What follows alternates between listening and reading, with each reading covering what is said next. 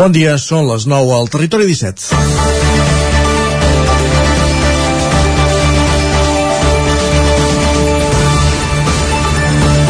A Osona s'han confirmat en la darrera setmana 164 casos de Covid-19. El risc de rebrot ha baixat en la darrera setmana fins a 196 punts i la taxa de contagi RT és de 0,94 per sota d'1. Al Vallès Oriental, al central, l'RT està per sobre d'1, el 1,07. S'han detectat 169 positius en la darrera setmana, s'ha registrat una víctima mortal a causa de la Covid i el risc de rebrot ha pujat fins als 161 punts. I així podríem continuar per repassar la situació epidemiològica a la resta de comarques del territori 17, una cantarella que hem sentit molt en els dos darrers anys, però de la qual ens hem anat desenganxant conforme creixia el nombre de gent vacunada, la variant Omicron s'estenia pel nostre entorn i els efectes de la Covid-19 anaven a la baixa. Tant que havent deixat passar Setmana Santa, el Consell de Ministres aprovava ahir la mesura que ja feia dies que havia anunciat i avui la mascareta ja no és obligatòria tampoc als interiors. I diem tampoc perquè no fa massa mesos d'aquella gran mesura del govern central per fer front a la sisena onada que obligava també a dur-la als exteriors quan ningú ho recomanava. Més controvèrsia s'ha aixecat aquesta mesura, que això sí, ha estat aplaudida per bona part de la ciutadania. A Catalunya ahir ja va haver-hi un preludi que era la seva retirada entre els alumnes de les escoles. De sobte es destapen les cares i li posem fesomia a aquell company de feina que havíem conegut només amb mascareta.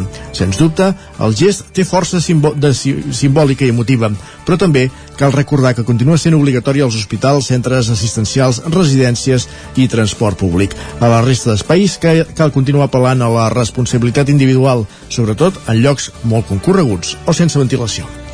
És dimecres, 20 d'abril de 2022, el dia de la cançó dels Celtes Cortos, i comença el Territori 17 a la sintonia d'Ona Codinenca, la veu de Sant Joan, Ràdio Cardedeu, Ràdio Vic, el 9 FM i el 9 TV. Territori 17, amb Isaac Moreno i Jordi Sunyer.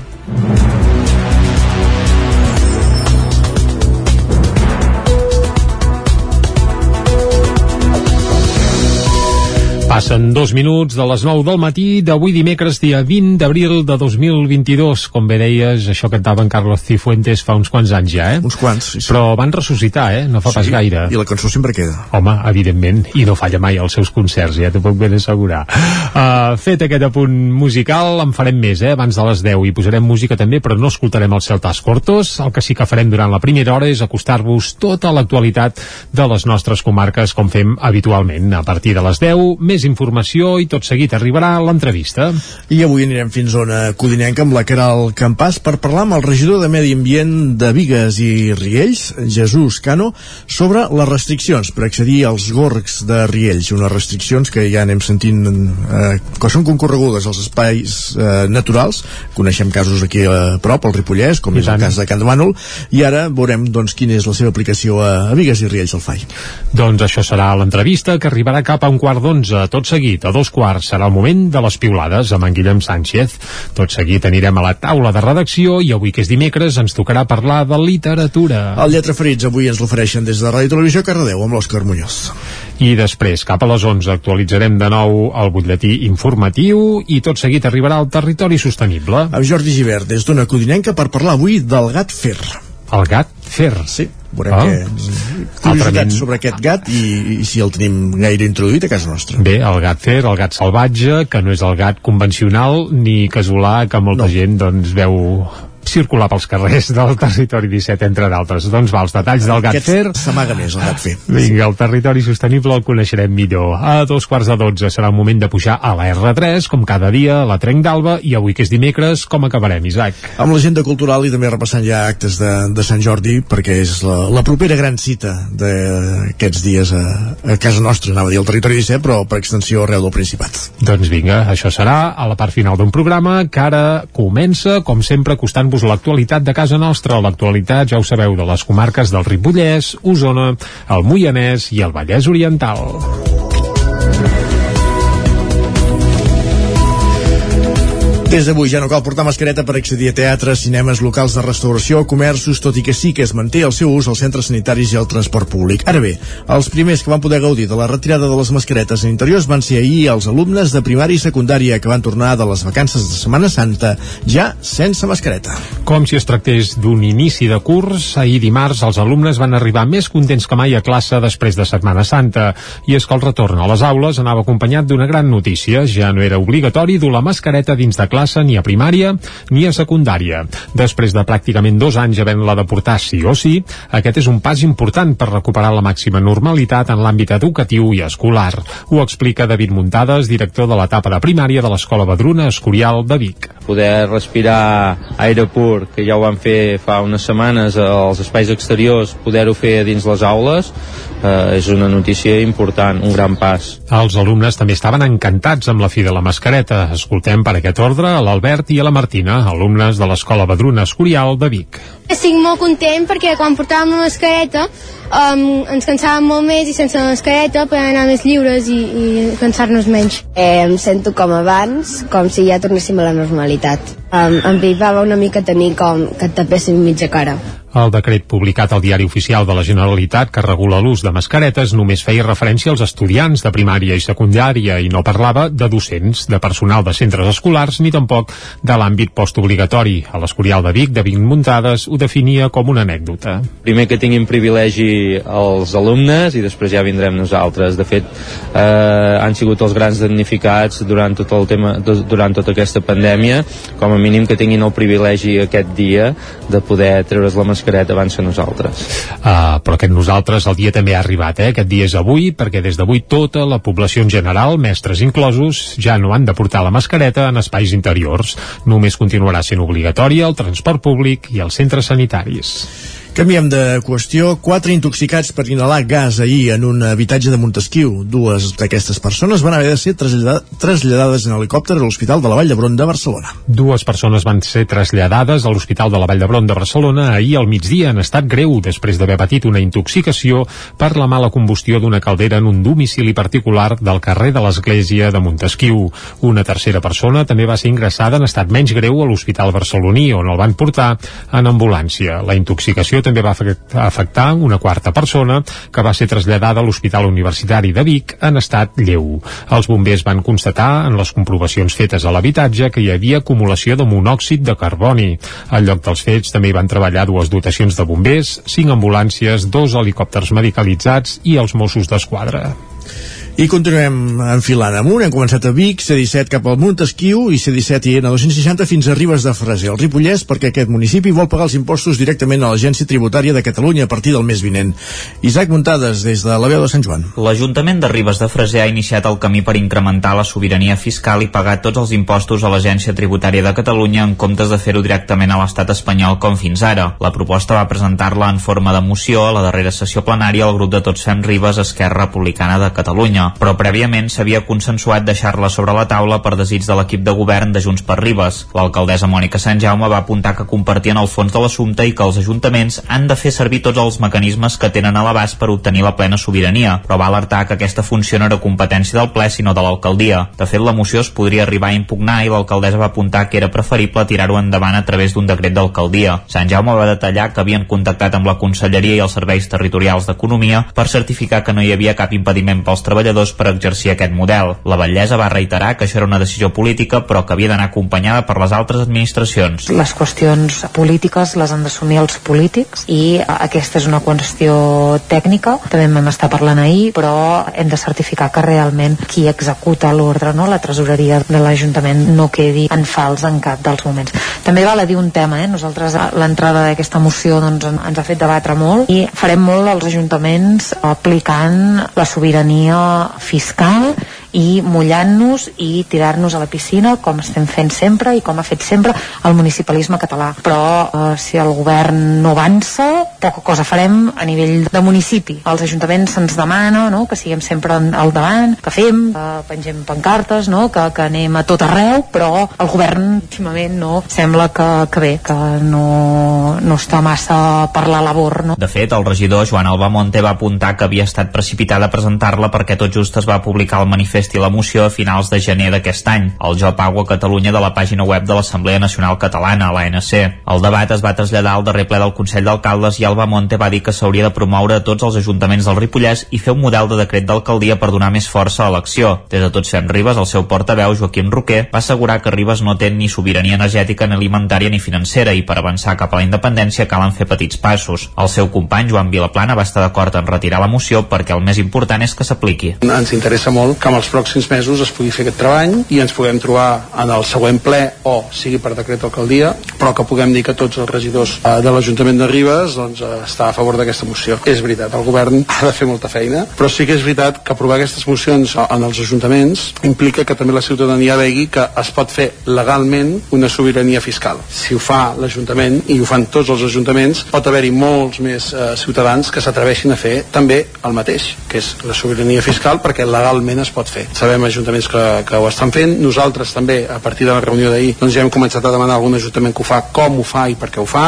Eh, crec que també veu dir que ho miraríeu a, Sar a Salrà, no? L'alcaldessa es va comprometre a incorporar-ho al pròxim ple del mes de maig a través d'un decret d'alcaldia i la idea és fer-ho per fases, és a dir, començar per alguns impostos com l'IVA i anar-los incorporant tots a poc a poc.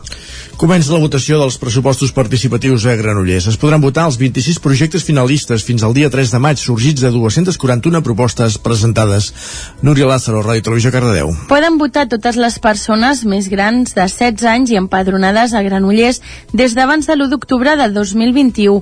Es pot votar en línia a la web www.granollers.cat barra pressupostos participatius. Per a les persones que ho necessitin s'habilitaran punts de votació amb suport en 11 equipaments municipals. I aquest divendres 22 d'abril es podrà votar presencialment al carrer Sant Clavé de 5 a 7 de la tarda. Com a novetat en aquesta edició es poden votar tants projectes com es vulgui, fins a arribar a un pressupost de 2 milions d'euros. En el recompte que es farà a partir del 4 de maig se seleccionaran els projectes amb més vots fins a esgotar els 2 milions d'euros. Alguns projectes multiplicaran els vots rebuts per 1,5. Són els que contribueixin a promoure promoure la igualtat de gènere, la igualtat d'oportunitats i la cohesió social, els que enforteixin comunitats i els que fomentin la innovació social i la transició ecològica.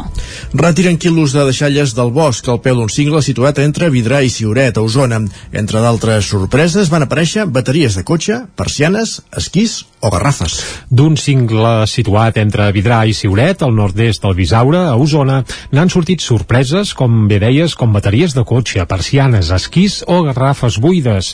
Els agents forestals van alertar a l'Ajuntament de Vidrà que en aquest punt, un indret de difícil accés, s'hi acumulaven moltes deixalles. Amb l'ajuda d'un cable per fer arrossegaments i d'un tractor, les van rescatar. Algunes, segons l'alcalde de Vidrà, Josep Anglada, s'hi devien acumular des de feia molt de temps, però d'altres no, ja que es notava que eren relativament recents. Al final, el mateix alcalde i un grup de veïns es van dedicar a recollir la porqueria i a dipositar-la en unes saques. Des de l'Ajuntament lamenten la situació i denuncien que no és la primera vegada que es troben amb sorpreses d'aquest tipus al municipi.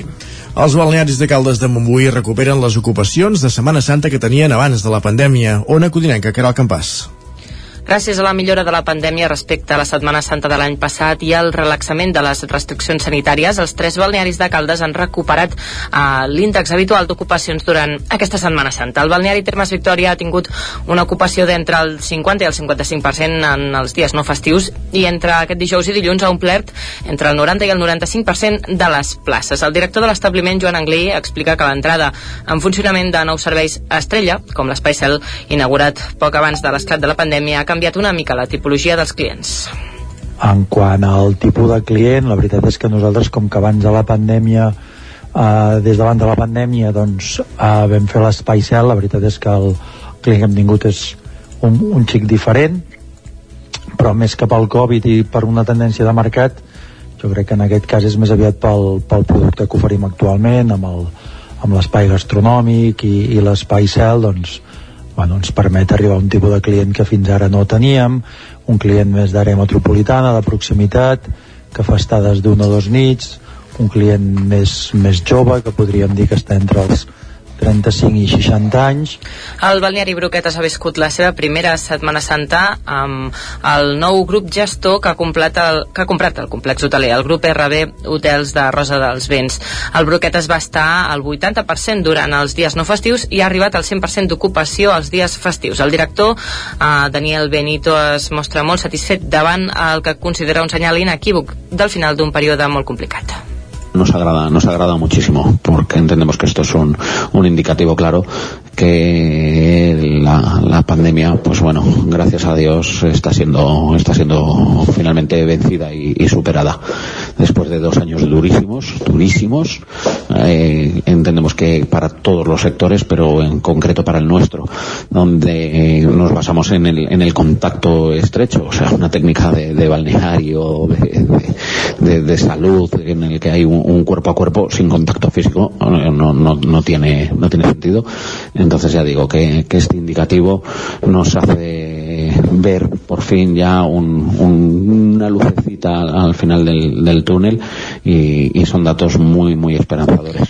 Les, les dades d'ocupació del balneari Broquetes mostren la resposta excel·lent i molt ràpida que ha tingut la seva reobertura l'1 de març després del tancament de dos anys. Gràcies, Caral. Més qüestions coincidint amb la Pasqua Florida. Diumenge a Sant Julià de Vilatorta s'hi van recuperar les caramelles del Roser. Una tradició centenària que després de dos anys d'aturada per la pandèmia va tornar amb novetats, una nova caramella i la incorporació de joves cantaires. A finals d'any, a més, es posarà en marxa un centre d'interpretació de les caramelles. Dues columnes de cantaires interpretant els gots del Roser obrien diumenge a primera hora del matí al Tom Caramellaire de Sant Julià de Vilatorta, un clàssic de la Pasqua Florida. Després de dos anys, la jornada va tornar al carrer i els caramellaires Caramagaires van poder oferir un repertori que va començar a assajar el passat mes de febrer, quan la corba de la pandèmia va fer el tom. No hi va faltar Festívola, una caramella composada per Santi Riera i Jofre Verdolet amb lletra d'Anton Carrera, que ja s'havia d'estrenar l'any 2020. La pandèmia ho va impedir i finalment aquest diumenge va veure la llum. Jofre Verdolet és el codirector de les caramelles del Roser. Sí, estrenem una caramella que es diu Festívola, que va deixant acabada en Santi Riera, que va ser músic, pedagog, compositor, director, i que va ser eh, president i director de les caramelles molt, molt temps. A mi em va arribar aquesta notícia que havia deixat inacabada una, una caramella amb lletra d'Anton Carrera, que és el poeta oficial del poble una mica, i se'm va demanar a veure si jo la voldria, la voldria acabar, que és un encàrrec que, vaja, no havia rebut mai un encàrrec així i, i ho vaig fer amb tanta responsabilitat i, i, i tan bé com vaig poder i, i bé, i l'estrenem i és molt emocionant i tant. Verdolet celebrava sobretot l'entrada de joves caramellaires, cosa que permet al cor ser optimista i parlar d'una continuïtat assegurada. L'escoltem. Des de que jo vaig entrar fa 5 anys, eh, això, la mitjana edat era molt, molt, molt alta i no hi havia manera que, que entrés gent jove. Llavors aquest any, pels motius que siguin, hi ha hagut una fornada de, no sé, són 5 o 6, eh, gent això de 20, 30 anys, eh, que està molt bé i que, i que dona aquest, aquesta força, aquesta empenta de la joventut que és necessària també per assegurar la continuïtat d'aquesta tradició. El retorn de les caramelles coincideix amb la propera posada en marxa a finals d'aquest any d'un centre d'interpretació de les caramelles a Sant Julià de Vilatorta. Ho detalla Hernán Collado, que és el president de les caramelles del Roser. Finals d'any s'estrena el centre d'interpretació de les caramelles, que estarà ubicat a Calanglada, i que eh, l'està muntant l'Ajuntament eh, gràcies a un, uns fons crec que són FEDER eh, i, amb, i a, a, serà un centre on hi haurà material de les caramelles, fotografies i, i, i també un audiovisual que s'està filmant durant el dia d'avui, que això també avui eh, tenim aquí un dron volant, tenim càmeres per tot arreu, és perquè s'està filmant un audiovisual que es reproduirà eh, en bucle, diguéssim, en aquest, en aquest centre d'interpretació, on també podreu veure instruments antics, fotografies, partitures, eh, eh, ensenyes que hem guanyat eh, durant el temps, etc. Caramelles a Sant Julià de Vilatorta i Caramelles també, Jordi, a Santa Eulàlia de Riu Primer. Exacte, la cantada central a Santa Eulàlia es va fer a la plaça de l'Església just després de missa i per acabar van arribar les corrandes que van començar amb el record a un dels caramellaires de Santa Eulàlia mort fa poc i que van continuar Jean-Clau d'Humor parlant del semàfor de la guixa o de la crisi al govern de Santa Eulàlia, del que fa uns mesos van plegar cinc regidores. Era la 43a cantada de caramelles ininterrompuda a Santa Eulàlia, que durant la pandèmia fins i tot es va mantenir, tot i que en formats adaptats a les restriccions. Ho recorda Joan Montells, que és el director de les Caramelles de Santa Eulàlia. De fet, no vam deixar de cantar Caramelles perquè el 2020 vam cantar des de les taulades, des dels balcons, i el 2021, l'any passat, vam cantar des d'aquí la plaça, però eh, amb mascareta, amb una distància d'un metre entre cantaires i sense ningú de públic. I ara aquest any hem pogut recuperar doncs, el que veníem fent ja habitualment abans de la pandèmia. Aquest any, doncs, les caramelles han tornat a la normalitat, recuperant el públic i també les cantades a les cases de pagès que van fer dissabte. Coincidint amb les caramelles, també es va homenatjar a Pere Creus, veí que ha estat nomenat fill adoptiu a Santa Eulàlia de Riu Primer i que havia col·laborat amb diverses entitats del municipi.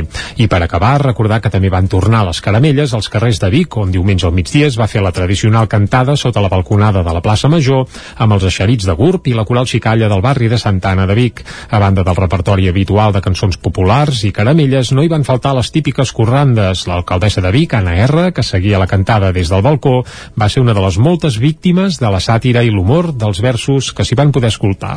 I més retorns, a part de les caramelles, dilluns de Pasqua es van recuperar també els aplecs tradicionals com, els dels, com el dels ous a Balanyà, que remunta al segle XVI, el de Puig l'Agulla o el de Bellmunt. Tots tornaven després de dos anys d'absència a causa de la pandèmia. En el cas de Bellmunt, el sol que lluïa dilluns contrastava amb el mal temps que va fer en l'última edició, era la del 2019. Al llarg del matí, a l'esplanada del santuari, s'hi va fer la rifa dels Amics de Bellmunt amb una vintena de sortejos i també es va fer la plec amb missa i es va repartir esmorzar i un medalló, aquesta vegada dedicat a l'Alzina Grossa. Tothom que va pujar a Bellmunt, a peu, en bicicleta o en vehicles motoritzats, doncs va marxar amb un tros de l'Alzina Grossa de Bellmunt. I arribats a aquest punt el que fem és una aturada en el relat informatiu per conèixer la previsió meteorològica. I per explicar-nos-la ja ens espera un dia, ja ens espera un dia més en Pep Acosta.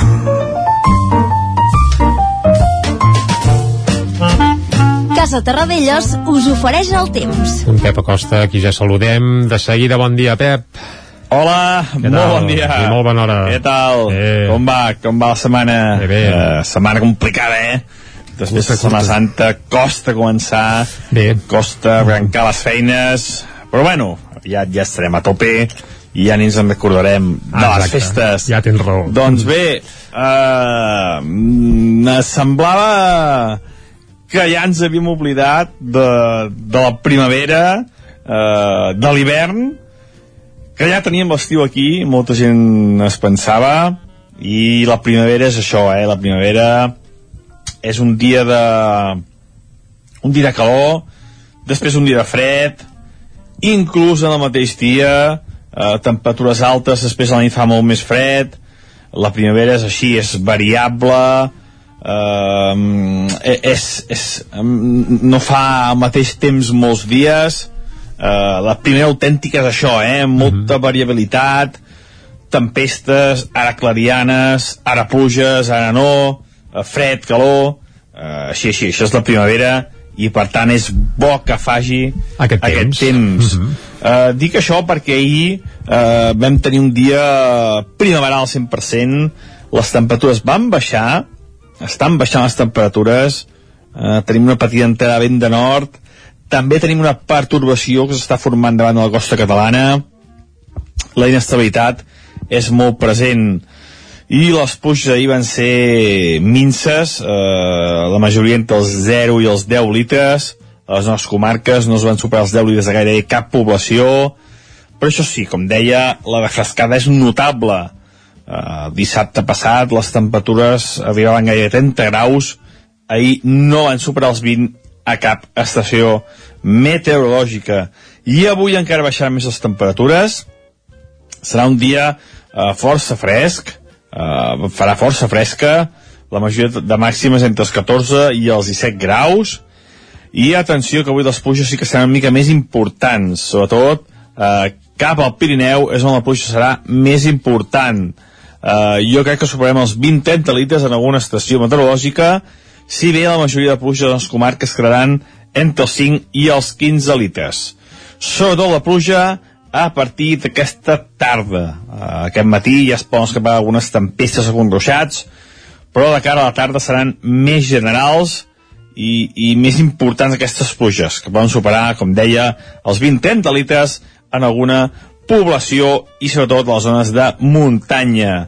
La cota de neu baixarà, en un primer moment eh, pot estar a 2.200 metres o 2.100, però avui baixarà fins a 1.700-1.800 els cims més alts del Pirineu i pot haver una precipitació de neu moderada avui.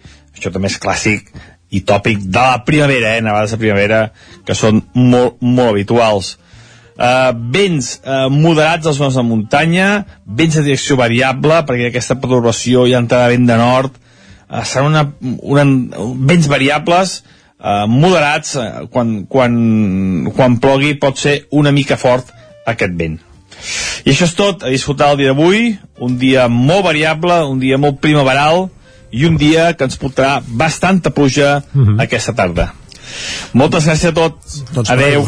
Vinga, a la tarda per aigua. De moment fa ullades de sol i tot. Va, Correcte. amb aquestes ullades anem cap al quiosc. Som-hi ràpidament. Casa Tarradellas us ha ofert aquest espai. I avui els diaris deuen parlar de reaccions de Pegasus, oi, Jordi? Tant, i tant que sí.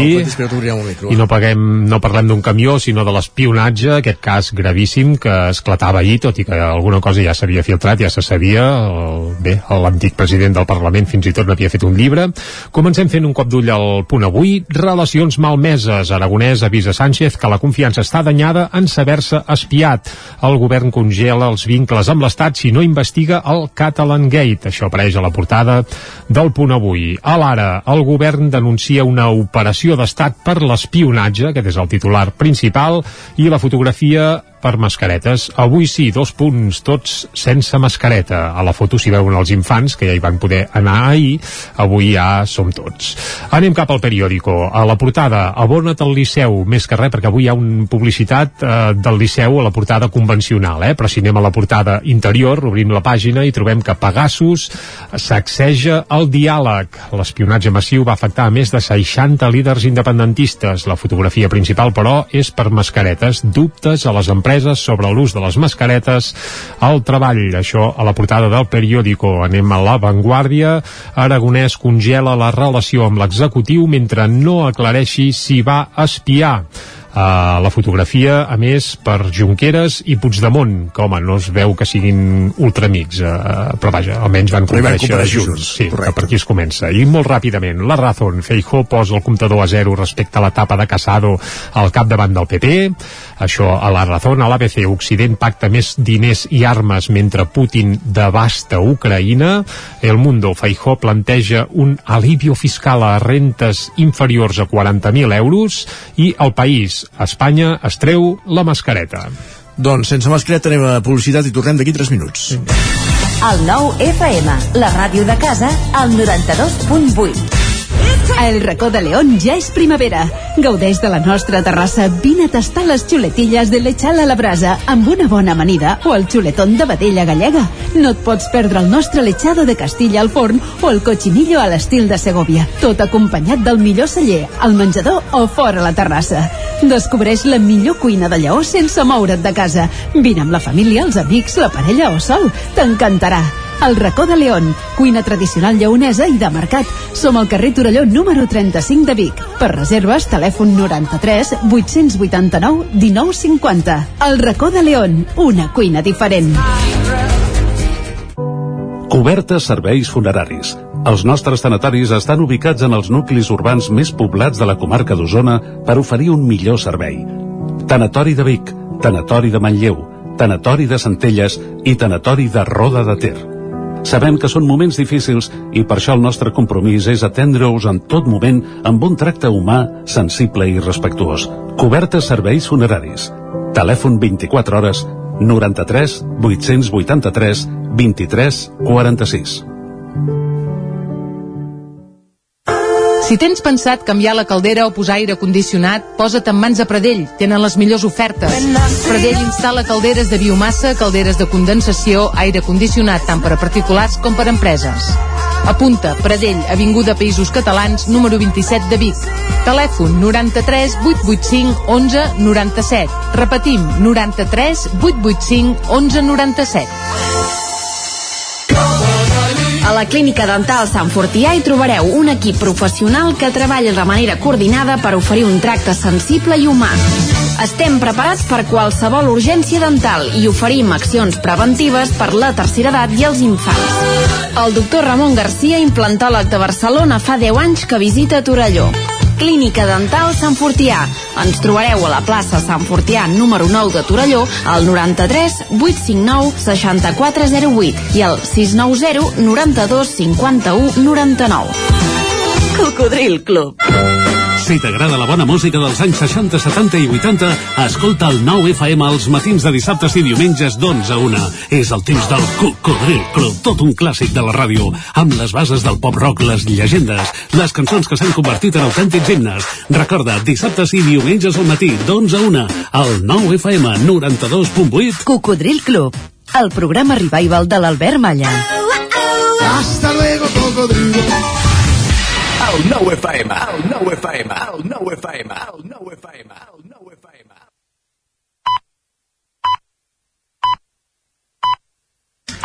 En punt, al territori 17, dos quarts de 10 del matí. Territori 17, amb Isaac Moreno i Jordi Sunyer.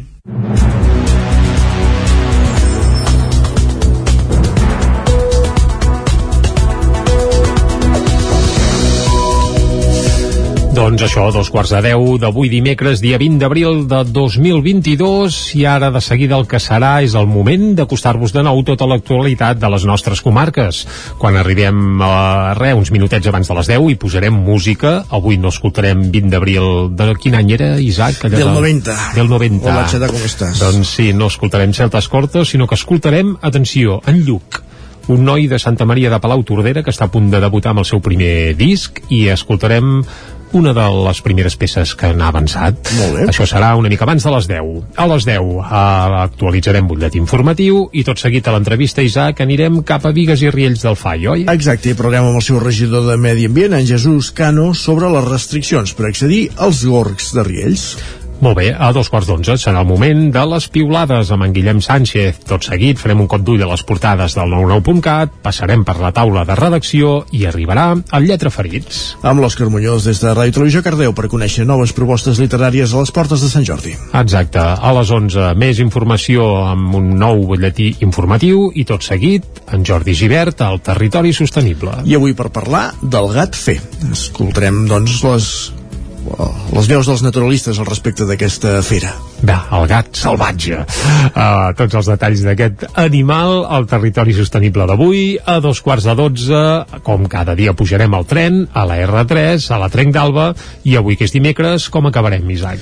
Doncs fent un repàs a l'agenda cultural i d'actes de Sant Jordi pels propers dies a les comarques del territori 17, com sempre, connectant amb les diferents emissores que dia a dia fan possible aquest programa.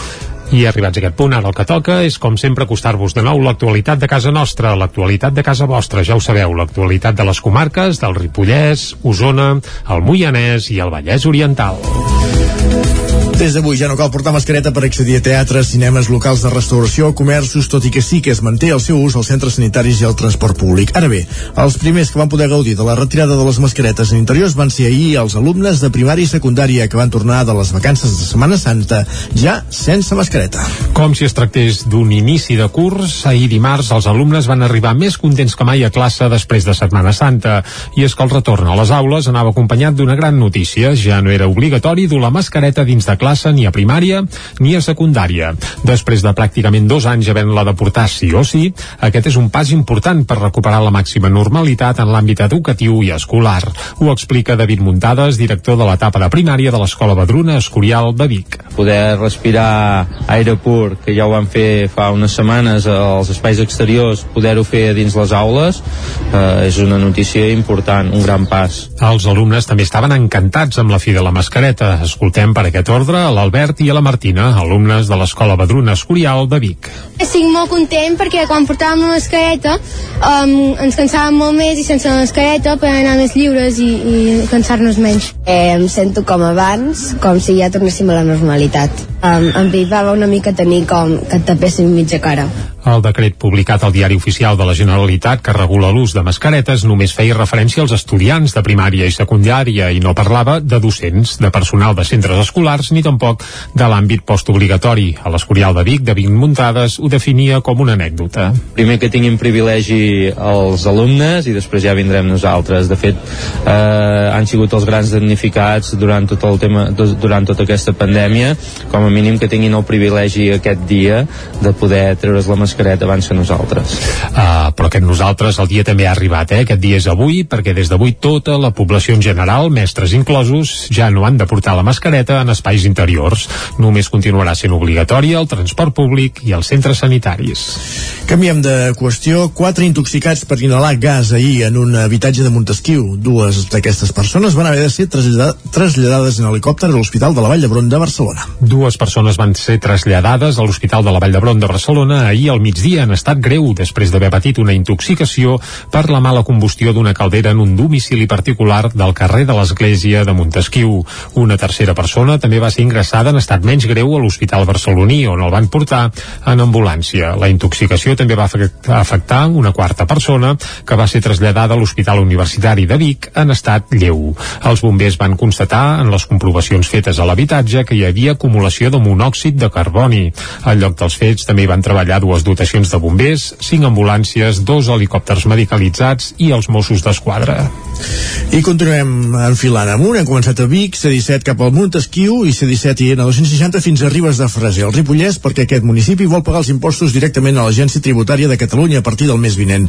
Isaac Muntades, des de la veu de Sant Joan. L'Ajuntament de Ribes de Freser ha iniciat el camí per incrementar la sobirania fiscal i pagar tots els impostos a l'Agència Tributària de Catalunya en comptes de fer-ho directament a l'estat espanyol com fins ara. La proposta va presentar-la en forma de moció a la darrera sessió plenària al grup de Tots Fem Ribes Esquerra Republicana de Catalunya, però prèviament s'havia consensuat deixar-la sobre la taula per desig de l'equip de govern de Junts per Ribes. L'alcaldessa Mònica Sant Jaume va apuntar que compartien el fons de l'assumpte i que els ajuntaments han de fer servir tots els mecanismes que tenen a l'abast per obtenir la plena sobirania, però va alertar que aquesta funció no era competència del ple sinó de l'alcaldia. De fet, la moció es podria arribar a impugnar i l'alcaldessa va apuntar que era preferible tirar-ho endavant a través d'un decret d'alcaldia. Sant Jaume va detallar que havien contactat amb la Conselleria i els serveis territorials d'Economia per certificar que no hi havia cap impediment pels treballadors per exercir aquest model. La Vallesa va reiterar que això era una decisió política però que havia d'anar acompanyada per les altres administracions. Les qüestions polítiques les han d'assumir els polítics i aquesta és una qüestió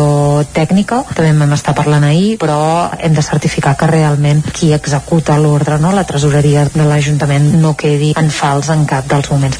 També val a dir un tema, eh? nosaltres l'entrada d'aquesta moció doncs, ens ha fet debatre molt i farem molt als ajuntaments aplicant la sobirania fiscal i mullant-nos i tirar-nos a la piscina com estem fent sempre i com ha fet sempre el municipalisme català però eh, si el govern no avança poca cosa farem a nivell de municipi als ajuntaments se'ns demana no? que siguem sempre al davant que fem, que pengem pancartes no? que, que anem a tot arreu però el govern últimament no sembla que, que bé, que no, no està massa per la labor no? De fet, el regidor Joan Alba Monte va apuntar que havia estat precipitada a presentar-la perquè tot just es va publicar el manifest i la moció a finals de gener d'aquest any, al Job Agua Catalunya de la pàgina web de l'Assemblea Nacional Catalana, l'ANC.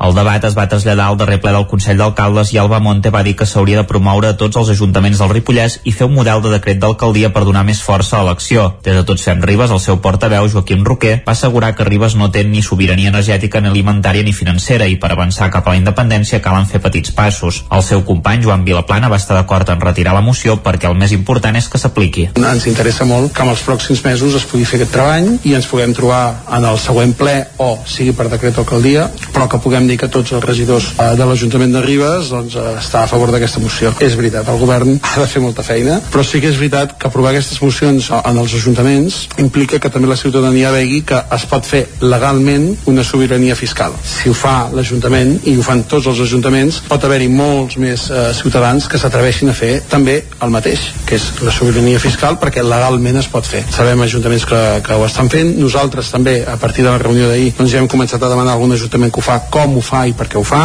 Eh, crec que també veu dir que ho miraríeu a, Sar a Salrà, no? L'alcaldessa es va comprometre a incorporar-ho al pròxim ple del mes de maig a través d'un decret d'alcaldia i la idea és fer-ho per fases, és a dir, començar per alguns impostos com l'IVA i anar-los incorporant tots a poc a poc. Comença la votació dels pressupostos participatius a Granollers. Es podran votar els 26 projectes finalistes fins al dia 3 de maig, sorgits de 241 propostes presentades. Núria Lázaro, Ràdio Televisió Cardedeu. Poden votar totes les persones més grans de 16 anys i empadronades a Granollers des d'abans de l'1 d'octubre de 2021.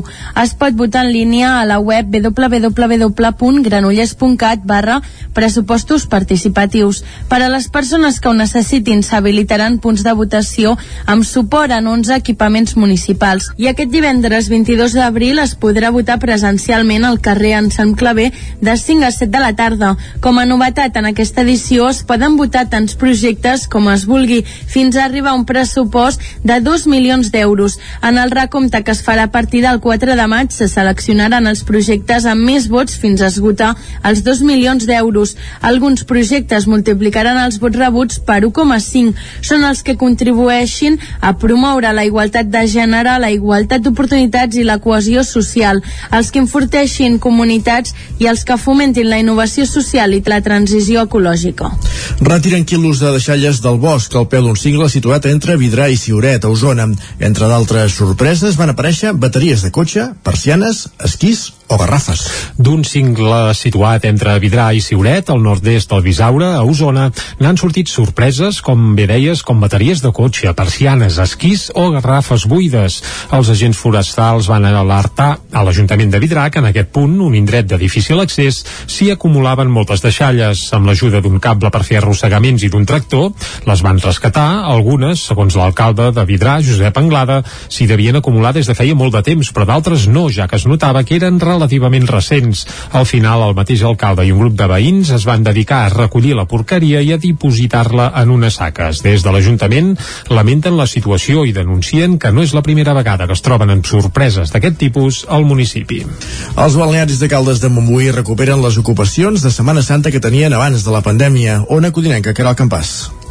Gràcies a la millora de la pandèmia respecte a la Setmana Santa de l'any passat i al relaxament de les restriccions sanitàries, els tres balnearis de Caldes han recuperat eh, l'índex habitual d'ocupacions durant aquesta Setmana Santa. El balneari Termes Victòria ha tingut una ocupació d'entre el 50 i el 55% en els dies no festius i entre aquest dijous i dilluns ha omplert entre el 90 i el 95% de les places. El director de l'establiment, Joan Anglí, explica que l'entrada en funcionament de nous serveis Estrella, com l'Espai Cel, inaugurat poc abans de l'esclat de la pandèmia, ha canviat una mica la tipologia dels clients.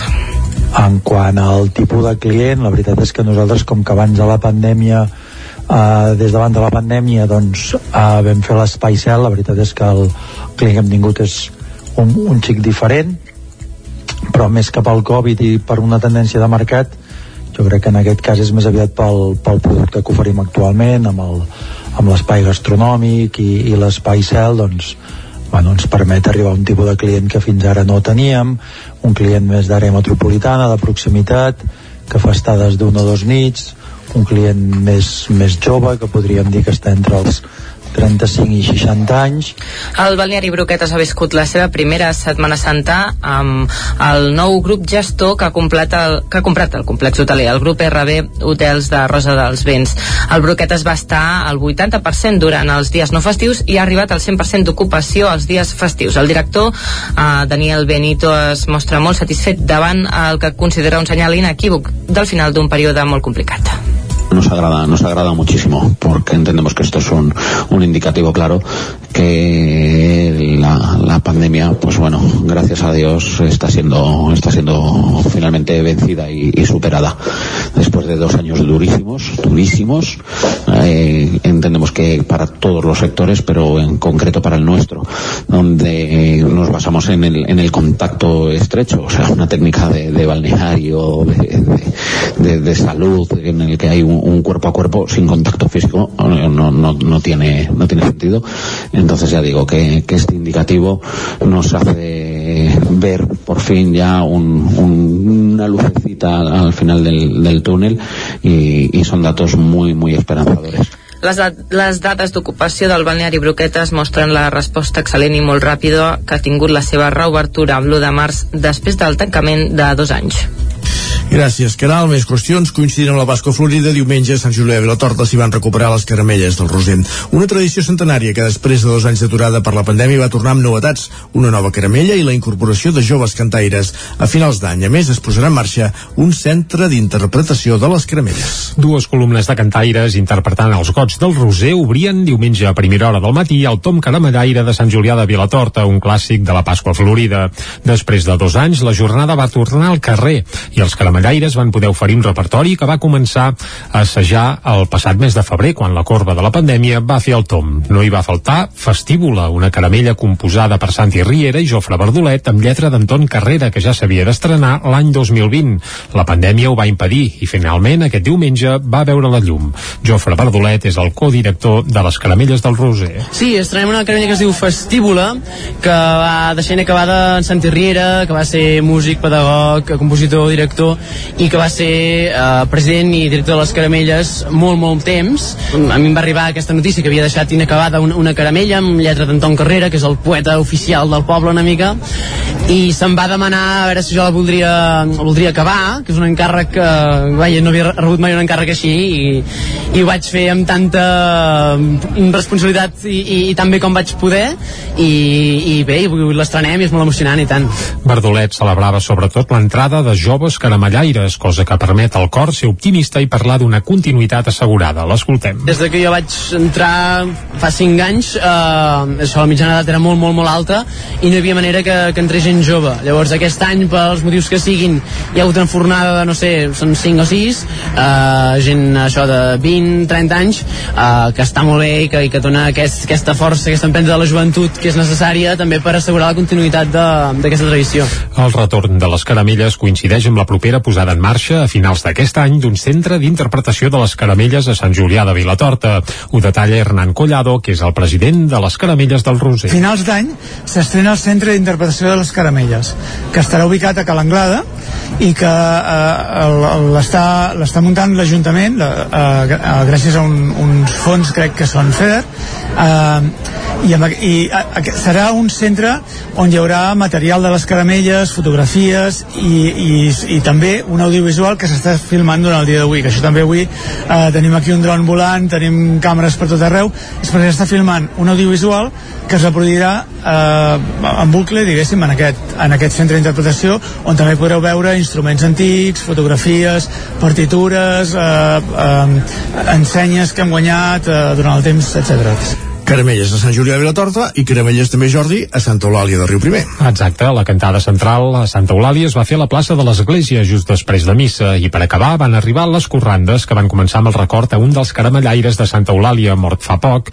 i que van continuar Jean Clau d'Humor parlant del semàfor de la guixa o de la crisi al govern de Santa Eulàlia, del que fa uns mesos van plegar cinc regidores. Era la 43a cantada de caramelles ininterrompuda a Santa Eulàlia, que durant la pandèmia fins i tot es va mantenir, tot i que en formats adaptats a les restriccions. Ho recorda Joan Montells, que és el director de les caramelles de Santa Eulàlia.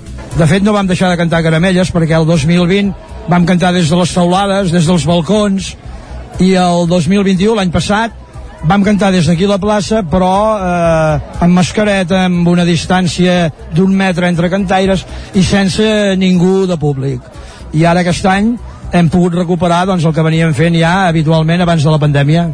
Aquest any, doncs, les caramelles han tornat a la normalitat, recuperant el públic i també les cantades a les cases de pagès que van fer dissabte. Coincidint amb les caramelles, també es va homenatjar a Pere Creus, veí que ha estat nomenat fill adoptiu a Santa Eulàlia de Riu Primer i que havia col·laborat amb diverses entitats del municipi. I per acabar, recordar que també van tornar les caramelles als carrers de Vic, on diumenge al migdia es va fer la tradicional cantada sota la balconada de la plaça Major amb els eixerits de Gurb i la coral xicalla del barri de Santa Anna de Vic. A banda del repertori habitual de cançons populars i caramelles, no hi van faltar les típiques corrandes. L'alcaldessa de Vic, Anna R., que seguia la cantada des del balcó, va ser una de les moltes víctimes de la sàtira i l'humor dels versos que s'hi van poder escoltar. I més retorns, a part de les caramelles, dilluns de Pasqua es van recuperar també els aplecs tradicionals com, els dels, com el dels ous a Balanyà, que remunta al segle XVI, el de Puig l'Agulla o el de Bellmunt. Tots tornaven després de dos anys d'absència a causa de la pandèmia. En el cas de Bellmunt, el sol que lluïa dilluns contrastava amb el mal temps que va fer en l'última edició, era la del 2019. Al llarg del matí, a l'esplanada del santuari, s'hi va fer la rifa dels Amics de Bellmunt amb una vintena de sortejos i també es va fer la plec amb missa i es va repartir esmorzar i un medalló, aquesta vegada dedicat a l'Alzina Grossa. Tothom que va pujar a Bellmunt, a peu, en bicicleta o en vehicles motoritzats, doncs va marxar amb un tros de l'Alzina Grossa de Bellmunt. I arribats a aquest punt el que fem és una aturada en el relat informatiu per conèixer la previsió meteorològica. I per explicar-nos-la ja ens espera un dia ja ens espera un dia més en Pep Acosta.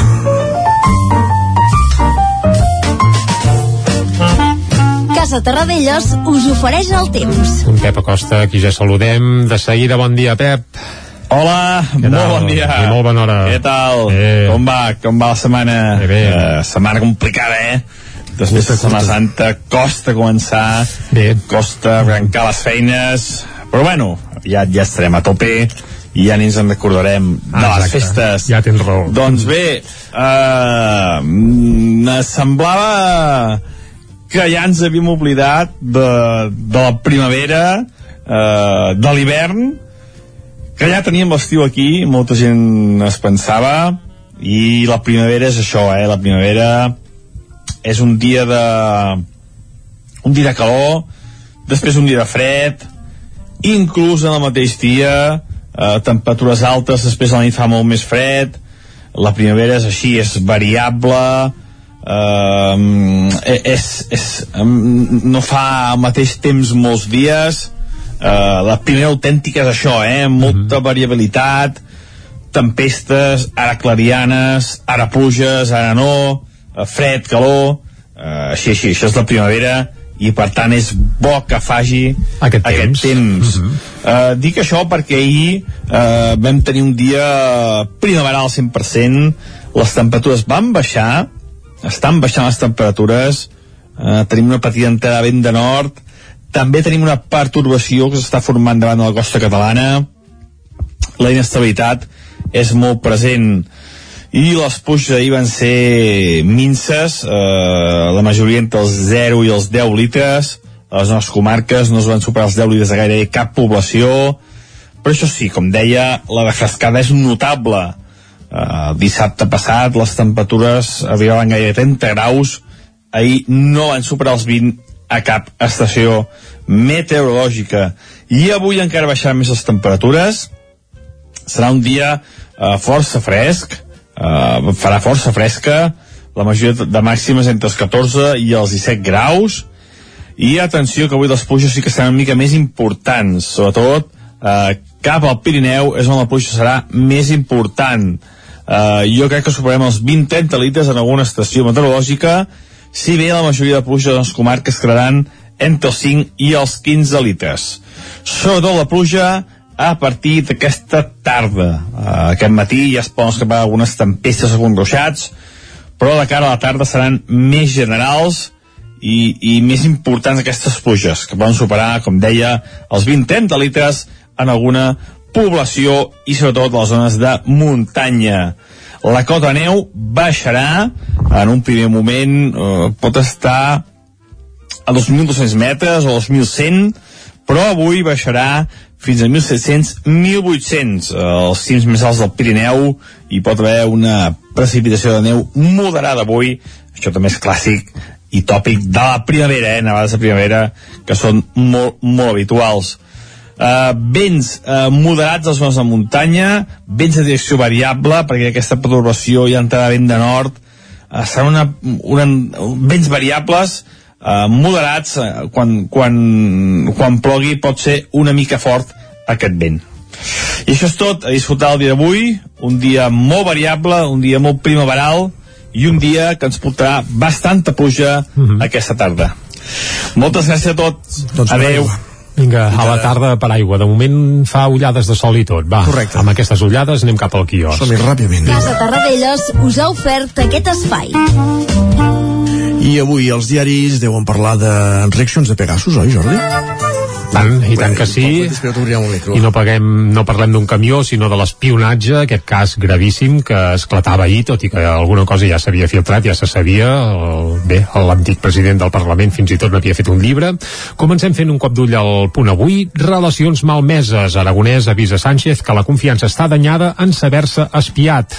El govern congela els vincles amb l'Estat si no investiga el Catalan Gate. Això apareix a la portada del punt avui. A l'ara, el govern denuncia seria una operació d'estat per l'espionatge, aquest és el titular principal, i la fotografia per mascaretes. Avui sí, dos punts, tots sense mascareta. A la foto s'hi veuen els infants, que ja hi van poder anar ahir, avui ja som tots. Anem cap al periòdico. A la portada, abona't al Liceu, més que res, perquè avui hi ha una publicitat eh, del Liceu a la portada convencional, eh? però si anem a la portada interior, obrim la pàgina i trobem que Pegasus sacseja el diàleg. L'espionatge massiu va afectar a més de 60 líders independentistes. La fotografia principal, però, és per mascaretes. Dubtes a les empreses sobre l'ús de les mascaretes al treball. Això a la portada del periòdico. Anem a la Vanguardia. Aragonès congela la relació amb l'executiu mentre no aclareixi si va espiar. Uh, la fotografia, a més, per Junqueras i Puigdemont, que home, no es veu que siguin ultramics, uh, però vaja, almenys van van compareixer comparèixer junts. junts, Sí, que per aquí es comença. I molt ràpidament, la Razón, Feijó posa el comptador a zero respecte a l'etapa de Casado al capdavant del PP. Això a la Razón, a l'ABC, Occident pacta més diners i armes mentre Putin devasta Ucraïna. El Mundo, Feijó planteja un alivio fiscal a rentes inferiors a 40.000 euros i el país, Espanya, es treu la mascareta. Doncs sense mascareta. I a Catalunya Exacte. també, eh? Sí, sí, sí, sí. Uh, sense mascareta, tots plegats, escolars, mestres, però bé, bàsicament tothom, fins i tot nosaltres, eh?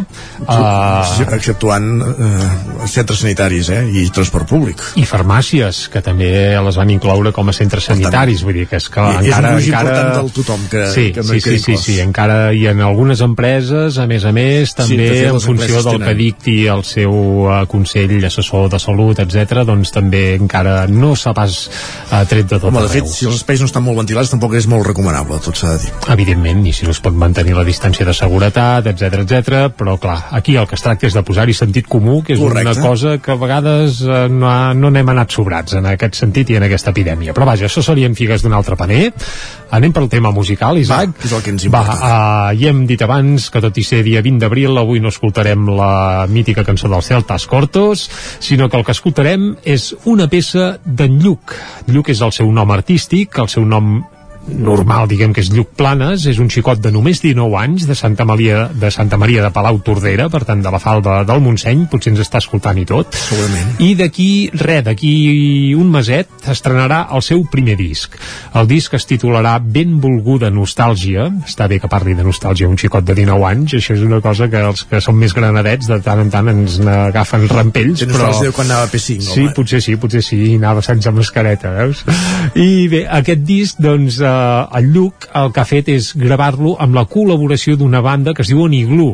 Uh, això per fer bolos a l'estiu deu ser fantàstic Sí, perquè no freda. mai calor, exacte. Sí, sí. Uh, I bé, i el que han fet en Lluc amb la col·laboració d'aquesta banda que es diu Iglu és anar penjant algun single, uh, algun avançament d'aquest seu nou disc. I avui el que escoltarem i estrenarem és Galtes Vermelles, que és precisament el darrer avançament del que serà el primer disc de Lluc en solitari. Recordem, un disc que es titularà Benvolguda Nostàlgia, que s'editarà d'aquí poques setmanes, i allà dins hi trobareu peces com aquest Galtes Vermelles. Jo no li vull dir però ja sap que m'encanta passar-nos una vida recordant aquesta tant de bo. Es pogués estimar per sempre. Tant de bo. Que l'amor fos en càmera lenta. Oh, oh, el sol picava vermelles les teves galtes no tinc pressa per tornar a casa si estic amb tu el temps no passa. Oh, oh, el sol picava. Vermelles les teves galtes no tinc pressa per tornar a casa si estic amb tu res em fa falta. El passat per canviar el futur estar 20 minuts més junts. Escoltar la classe per tenir els apunts i que me'ls demanis i si som a punts i la vida seria difícil sense tu aquí al meu costat. Queden fins que ens surtin canes quan no estiguem enamorats. Toc toc toc toc baixes a jugar. I s'enfadarà si ens quedem més al portal. Oh oh oh oh no vull que ens fem grans. Que això duri per sempre mentre estem aquí estirats. Tant de bo pogués estimar per sempre tant de bo que l'amor fos en càmera lenta. Oh, oh, el sol picava, vermelles les teves galtes. No tinc pressa per tornar a casa, si estic amb tu el temps no passa.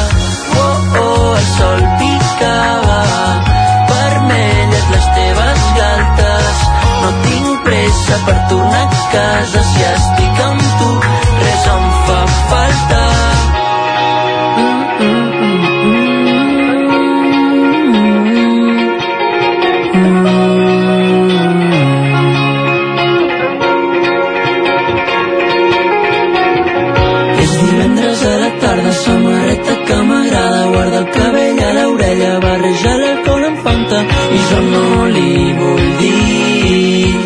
ja sé que m'encanta.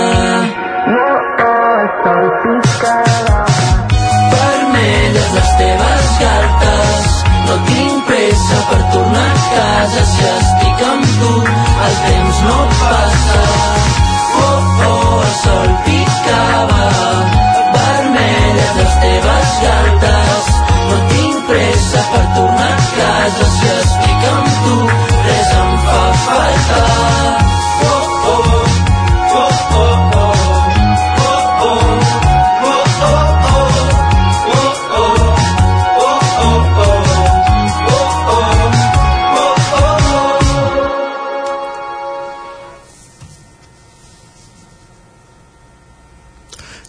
Clavades, les 10 al Territori 17. Territori 17, amb Isaac Moreno i Jordi Sunyer.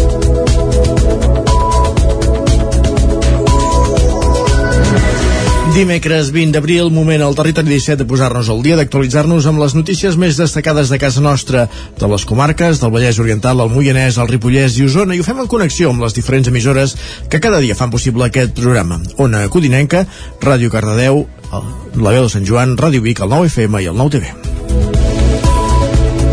Com és habitual, quan comença el bon temps, Riells del Fai reforça els missatges de restricció d'accés als gorgs de la zona. Ona Codinenca, Caral Campàs. Fa anys que la zona del riu Tenes, a tocar de Riells del Fai, rep estiuejants i persones de pobles propers cridats pels gorgs que compten amb diverses piscines naturals durant les èpoques de més calor. Aquesta alta afluència de visitants va portar a l'Ajuntament de Vigues i Riells a prendre millores per tal d'augmentar la protecció d'aquest entorn natural. Sentim Jesús Cano, regidor de Medi Ambient. ja des del 2014 cap aquí, 2015, eh, cada any estem posant un servei de vigilància eh, un seguit de dies, no, no cada dia, però sí que un seguit de dies, doncs per controlar això, no? les activitats, que la gent no vingui aquí, es banyi, o que, no sé, trobes imatges que deixen doncs, les llaunes de cervesa o, o les ampolles de beguda, el que sigui, ens hem arribat a veure imatges de gent amb, amb la seva nevareta i el seu parasol com si fos una platja i a mi això no és una platja és un entorn natural Per comprovar que es compleix la normativa i la prohibició de banyar-se, durant l'època estival hi ha vigilants que es passegen recurrentment per la zona. Els gorgs de Riells formen part d'un espai natural protegit. En aquest sentit, la zona compta amb diverses espècies naturals de l'interès, com la llúdriga, o espècies en perill d'extinció, com l'àliga cua barrada. Ampliarem aquesta informació a partir d'un quart d'onze a l'entrevista en conversa amb el regidor de Medi Ambient de Vigues, en Jesús Cano. I ara més qüestions. Una baralla entre dos germans acaba amb un d'ells ferit al coll i l'altre sense conseqüències. Això ha passat a Sant Joan de les Abadesses. La veu de Sant Joan, Isaac Muntades. Aquest passat dilluns al vespre es va produir un incident entre dos germans a Sant Joan de les Abadeses i un d'ells va fer-li un tall al coll a l'altre davant del supermercat xàrter de Can Creuet, segons van confirmar els Mossos d'Esquadra. Sortosament, la baralla no va tenir massa més rellevància i el jove només tenia una petita rascada al coll que no va necessitar cap mena d'assistència sanitària ni va haver de venir l'ambulància. Tampoc es va produir cap denúncia. És cert que també van córrer alguns missatges per grups de WhatsApp que deien que l'agressor hauria baixat d'un cotxe per fer mal al noi i s'hauria fugat i que a l'escenari dels fets hi havia molta sang, però segons la policia catalana, els fets no revestien gravetat. I a Osona continuen els esforços per tal d'evitar el tancament del col·legi El Roser de Sant Julià de Vilatorta. La setmana passada va haver-hi una trobada entre l'Ajuntament, la Direcció Pedagògica del Col·legi i l'Associació de Famílies d'Alumnes i la Fundació FEDAC, que gestiona, entre d'altres, el Paracoll de Vic. L'objectiu, que la Fundació FEDAC es faci càrrec també del Roser. En vinculació a la congregació de les Germanes Dominiques, la Fundació FEDAC gestiona ara mateix un total de 25 escoles arreu de Catalunya, entre les quals la del Paracoll de Vic i la FEDAC de Prats de Lluçanès. Ara s'haurien interessat per la situació del Roser de Sant Julià de Vilatorta. La voluntat de la Fundació seria assumir estrictament la gestió i el projecte educatiu del col·legi, mentre que la posada a punt i el manteniment de l'edifici haurien d'anar a càrrec de l'Ajuntament. Fons del consistori apunten que ara cal reunir-se amb la família Bufill, patrons de la Fundació Privada Puig i Cunyer, per negociar la cessió de l'escola a cost zero a l'Ajuntament de Sant Julià. Aquesta podria ser una via per no haver de tancar el centre. Tot i això, també faltaria resoldre altres qüestions, com per exemple com aixugar el deute que arrossega la institució. Una xifra de diners que no s'ha concretat i que en cap cas no estarien disposats a pagar ni l'Ajuntament Vilatortí ni tampoc la Fundació FADAC. Tots els actors implicats remarquen la necessitat de concretar el més aviat possible si el centre educatiu continuarà obert el curs que ve, ja que hi ha el risc que les famílies busquin alternatives a l'hora de matricular els seus fills i Montesquieu recuperarà l'antic teatre del Centre Obrer Recreatiu. L'edifici, que té un segle de vida, es va convertir en un magatzem municipal l'any 2001. Maquinària, eines i tot tipus d'utensilis de la brigada municipal és el que s'hi veu ara mateix quan s'entra a l'antic edifici del Centre Obrer Recreatiu, que l'any 2001 es va convertir en un magatzem de la brigada de l'Ajuntament. Quan es va convertir en magatzem, però, l'alcaldessa de Montesquieu, Nuri Soler, explica que molta gent del poble no ho va acceptar perquè suposava carregar-se part del patrimoni cultural del poble. Tornar-li a donar un ús cultural, a més, era una reivindicació d'un sector del poble que recollien en els seus programes electorals tant Som Montesquieu com Junts per Catalunya. En el darrer pressupost, a més, ja van incloure una partida de 56.000 euros en aquesta línia i ara han demanat subvencions pel projecte de reforma per valor de gairebé 200.000 euros i el proper ple, precisament, s'aprovarà aquest projecte. D'aquesta manera també es vol recuperar la tradició teatral que ha caracteritzat el municipi. La reforma preveu fer un escenari a peu pla que es pugui elevar i un, pacti, i un pati de butaques inclinat. El que no es podrà recuperar és l'antic amfiteatre que es va enderrocar fa uns anys per reforçar l'edifici que ara utilitza la brigada. La Societat Centre Obrer Recreatiu de Montesquieu es va constituir el 28 de maig del 1900, en una època en què a Catalunya es van crear molts ateneus obrers. L'objectiu era que els socis poguessin accedir a l'aprenentatge i a l'oci. El 1920 l'entitat va ser desnonada de la seva ubicació i es va plantejar la dissolució, però finalment van apostar per construir un edifici propi a l'actual plaça de la República. Després de la Guerra Civil, però, se li va canviar el nom i des de 1941 es coneixia com a Salón Teatro de Feti de la Jones de Montesquieu i més tard, l'any 47, va rebre el nom de Centro de Educación y Descanso. Abans del seu desús s'hi va fer cinema i altres activitats fins a mitjans dels anys 80. Ara, quatre dècades més tard, el teatre va camí de la resurrecció. Les deixalleries del Vallès Oriental fomenten la reutilització de llibres de segona mà. L'acció s'allargarà fins aquest diumenge. Ràdio Televisió Cardedeu, Núria Lázaro. La xarxa de deixalleries del Consorci per a la Gestió de Residus del Vallès Oriental posava en marxa ahir dimarts i fins diumenge una nova edició del Deixa Llibres. Els usuaris de les deixalleries que vagin a fer una aportació de residus podran endur-se a casa fins a tres llibres de segona mà en bon estat. A la vegada, les persones que vulguin podran portar llibres que es posaran a disposició dels usuaris de la deixalleria. Segons informa el Consorci de Residus, l'objectiu de la iniciativa és conscienciar sobre la importància de generar menys residus i promoure la reutilització d'objectes, en aquest cas llibres, que estan en bon estat.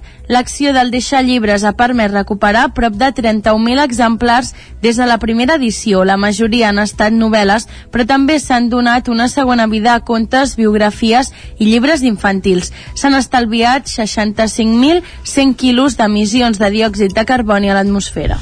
Des d'avui ja no cal portar mascareta per accedir als teatres, cinemes locals de restauració, comerços, tot i que sí que es manté el seu ús en els centres sanitaris i el transport públic. Ara bé, els primers que van poder gaudir de la retirada de les mascaretes en interiors va ser ahir els alumnes de primària i secundària que van tornar de les vacances de Setmana Santa ja sense mascareta. Com si d'un inici de curs es tractés, ahir dimarts els alumnes van arribar més contents que mai a classe després de la Setmana Santa. I és que el retorn a les aules anava acompanyat d'una gran notícia. Ja no era obligatori dur la mascareta dins de classe ni a primària ni tampoc a secundària. Després de pràcticament dos anys havent de portar-la sí o sí, aquest és un pas important per recuperar la màxima normalitat en l'àmbit educatiu i escolar. Ho detalla David Muntades, que és director de l'etapa de primària de l'Escola Badruna Escorial de Vic. Poder respirar aire pur, que ja ho van fer fa unes setmanes als espais exteriors, poder-ho fer dins les aules, eh, és una notícia important, un gran pas. Els alumnes també estaven encantats amb la fi de la mascareta. Escoltem per aquest ordre a l'Albert i a la Martina, alumnes tots dos de l'Escola Badruna Escorial de Vic. Estic molt content perquè quan portàvem la mascareta um, ens cansàvem molt més i sense la mascareta podem anar més lliures i, i cansar-nos menys. Eh, em sento com abans, com si ja tornéssim a la normalitat. Um, em privava una mica tenir com que et tapéssim mitja cara. Els, el decret, volem dir, publicat al Diari Oficial de la Generalitat que regula l'ús de mascaretes només feia referència als estudiants de primària i secundària i no parlava de docents ni de personal dels centres escolars ni tampoc de l'àmbit de l'educació postobligatòria.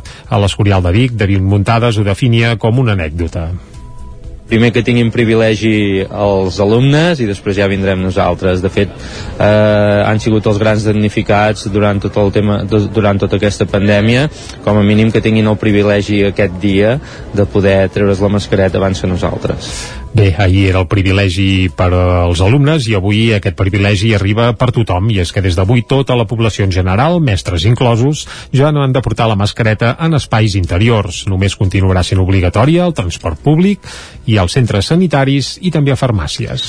La biguetana Sara Touri publica un llibre per visibilitzar el racisme. L'obra recull 15 relats de ficció basats en el seu entorn més proper. Desenllaços, identitat, dol migratori i racisme. Aquest és el títol del llibre que la biguetana Sara Touri ha publicat publicat amb Naret Edicions amb l'objectiu de fer visible una realitat que, segons explica ella mateixa, part de la societat vol silenciada. Touri és educadora social i filla d'una família migrada del Marroc i explica que el tema de la identitat múltiple, el vol migratori i el racisme sempre li havia interessat. Finalment, durant el confinament, va trobar el moment per escriure i ho va fer a través de 15 relats basats en vivències del seu entorn més proper. A partir de diversos personatges, tots migrats o descendència marroquina i residents a Catalunya, Catalunya, l'autora narra sense embuts diferents realitats viscudes, tot plantejant qüestions d'identitat en el sentit que et consideren immigrant aquí i turista allà, explica ella mateixa. L'autora també tracta del vol migratori i el trencament familiar quan no hi pot haver reagrupaments. Un dels relats de desenllaços és autobiogràfic. L'autora pretén fer un homenatge a la seva àvia, que va morir durant la Covid, precisament en un moment en què ho tenien tot preparat per anar-la a veure, però la pandèmia ho va impedir. Aquest relat es titula Que no sigui massa tard i és l'únic que va acompanyat d'una il·lustració que ha fet precisament la seva germana, l'activista Yousra Touri, per fer-lo més especial. El llibre, el llibre es va presentar dissabte passat a Lleida i avui dimecres, a dos quarts de set, es presentarà a la sala Mercè Torrents de la Universitat de Vic. Esports. I a l'àmbit esportiu us, parlem, us expliquem que el proper 14 de maig Vic serà la seu de la primera edició d'un festival ciclista innovador, amb curses i activitats obertes a totes les edats i nivell dels esportistes. Es tracta del Bike Show Vic Osona, una proposta que vol acostar el món de la bicicleta i les seves diferents modalitats a tot tipus de públics. Per això s'organitzaran fins a sis proves de bicicleta tot terreny. Les més exigents seran dues curses de llarga distància de 142 i 89 quilòmetres, respectivament, travessant racons emblemàtics emblemàtics d'arreu de la comarca d'Osona. El nou festival ciclista acollirà també la renovada Marathon Cup 3 Turons Vic, que celebrarà la segona edició. En total tindrà 40 quilòmetres, però també hi haurà una versió popular de la cursa de 37 quilòmetres i sense la pressió del cronòmetre.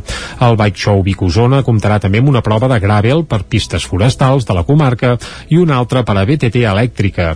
Els més joves també tindran el seu espai amb diverses curses adaptades a la seva edat. Escoltem ara a Titi Roca, regidor d'Esports de l'Ajuntament de Vic, i Albert Balcells, director del Bike Show Vic Osona, parlant de com serà el festival. Hi pot venir la família, hi pot venir el professional de la bicicleta, no? amb les diferents visions de la bicicleta, però també amb els diferents nivells, no? I per això s'han fet totes aquestes proves, des de la ultrabike amb la ultradistància, les proves en format marató, també les proves aquestes amb les bicicletes doncs amb aquesta innovació que es pretén trobar amb el món de les e-bikes, eh, les proves de gravel i aquestes competicions doncs pels més joves no? L'exciclista Josep Jofré explica que el naixement del festival respon sobretot a la bona feina que s'ha fet els darrers anys en la promoció de la bicicleta a Vic. Escoltem a Josep Jofré de Jofré Cycling. i penso que, que sí, que dona una mica doncs, això, no? a tot aquest treball que ja se n'ha fet durant els anys, no només a, per part del Club Natació Vic ETV o de Jofre Cycling, sinó doncs, molts, molts clubs que, que organitzen proves esportives ciclistes aquí a la comarca i, i penso doncs, que és, una, és una, una prova que serà referent una mica també en el calendari català Uh, per tant hi haurà mol, molts corredors uh, que vindran a conèixer en, en, uh, el 14 de maig doncs, uh, les carreteres i el territori d'aquí a Osona El nou festival està organitzat per l'Ajuntament de Vic, l'empresa Oxisport i diferents entitats ciclistes locals. La intenció de l'Ajuntament, a més, és consolidar-lo i fer-lo créixer de cara a l'any vinent, ho explica el regidor d'Esports, Titi Roca. Aquest any hem programat una edició d'un d'un dia en ment tenim poder-ho fer créixer i per tant sigui el Bike Show no només sigui un dia sinó que sigui un cap de setmana amb diferents esdeveniments i diferents propostes a nivell esportiu Les activitats del Bike Show Vic Osona, que es farà el pròxim dia 14 de maig, es faran totes amb sortida i arribada des de la zona esportiva de Vic. Un minut perquè sigui un quart d'onze, moment de conèixer la previsió del temps. Casa Terradellos us ofereix el temps. I a Territori 17, quan parlem del temps, és sinònim de parlar amb en Pep Acosta, qui ja saludem de nou. Bon dia, Pep. Hola, molt bon dia. I molt bona hora. Uh, semblava que ja ens havíem oblidat de, de la primavera, uh, de l'hivern, que ja teníem l'estiu aquí, molta gent es pensava, i la primavera és això, eh? La primavera és un dia de... un dia de calor, després un dia de fred, mm -hmm. inclús en el mateix dia, eh, temperatures altes, després a la nit fa molt més fred, la primavera és així, és variable, eh, així, així, això és la primavera, i per tant és bo que faci aquest temps. I avui encara baixaran més les temperatures, serà un dia eh, força fresc, eh, farà força fresca, la majoria de màximes entre els 14 i els 17 graus, i atenció que avui les pluges sí que seran una mica més importants, sobretot eh, cap al Pirineu és on la pluja serà més important. Eh, jo crec que superem els 20-30 litres en alguna estació meteorològica, si bé la majoria de pluja de les comarques quedaran entre els 5 i els 15 litres. Sobretot la pluja a partir d'aquesta tarda. Uh, aquest matí ja es poden escapar algunes tempestes a ruixats, però de cara a la tarda seran més generals i, i més importants aquestes pluges, que poden superar, com deia, els 20-30 litres en alguna població i sobretot a les zones de muntanya. La cota neu baixarà, en un primer moment eh, pot estar a 2.200 metres o 2.100, però avui baixarà fins a 1.700, 1.800 els cims més alts del Pirineu hi pot haver una precipitació de neu moderada avui. Això també és clàssic i tòpic de la primavera, eh? nevades de primavera que són molt, molt habituals. Uh, vents uh, moderats als zones de muntanya vents de direcció variable perquè aquesta perturbació ja entrarà vent de nord. Uh, seran una, una, vents variables uh, moderats uh, quan, quan, quan plogui pot ser una mica fort aquest vent i això és tot, a disfrutar el dia d'avui, un dia molt variable, un dia molt primaveral i un dia que ens portarà bastanta pluja aquesta tarda. Moltes gràcies a tots. Fins demà. Adéu. Doncs pendents del cel i per aigua a la mà. Exacte, aquesta tarda. tarda vindrà remullada, segons en Pep Acosta. I ara anem a l'entrevista. Anem-hi, va. Som-hi. Casa Tarradellas us ha ofert aquest espai. Dos minuts que passen d'un quart d'onze.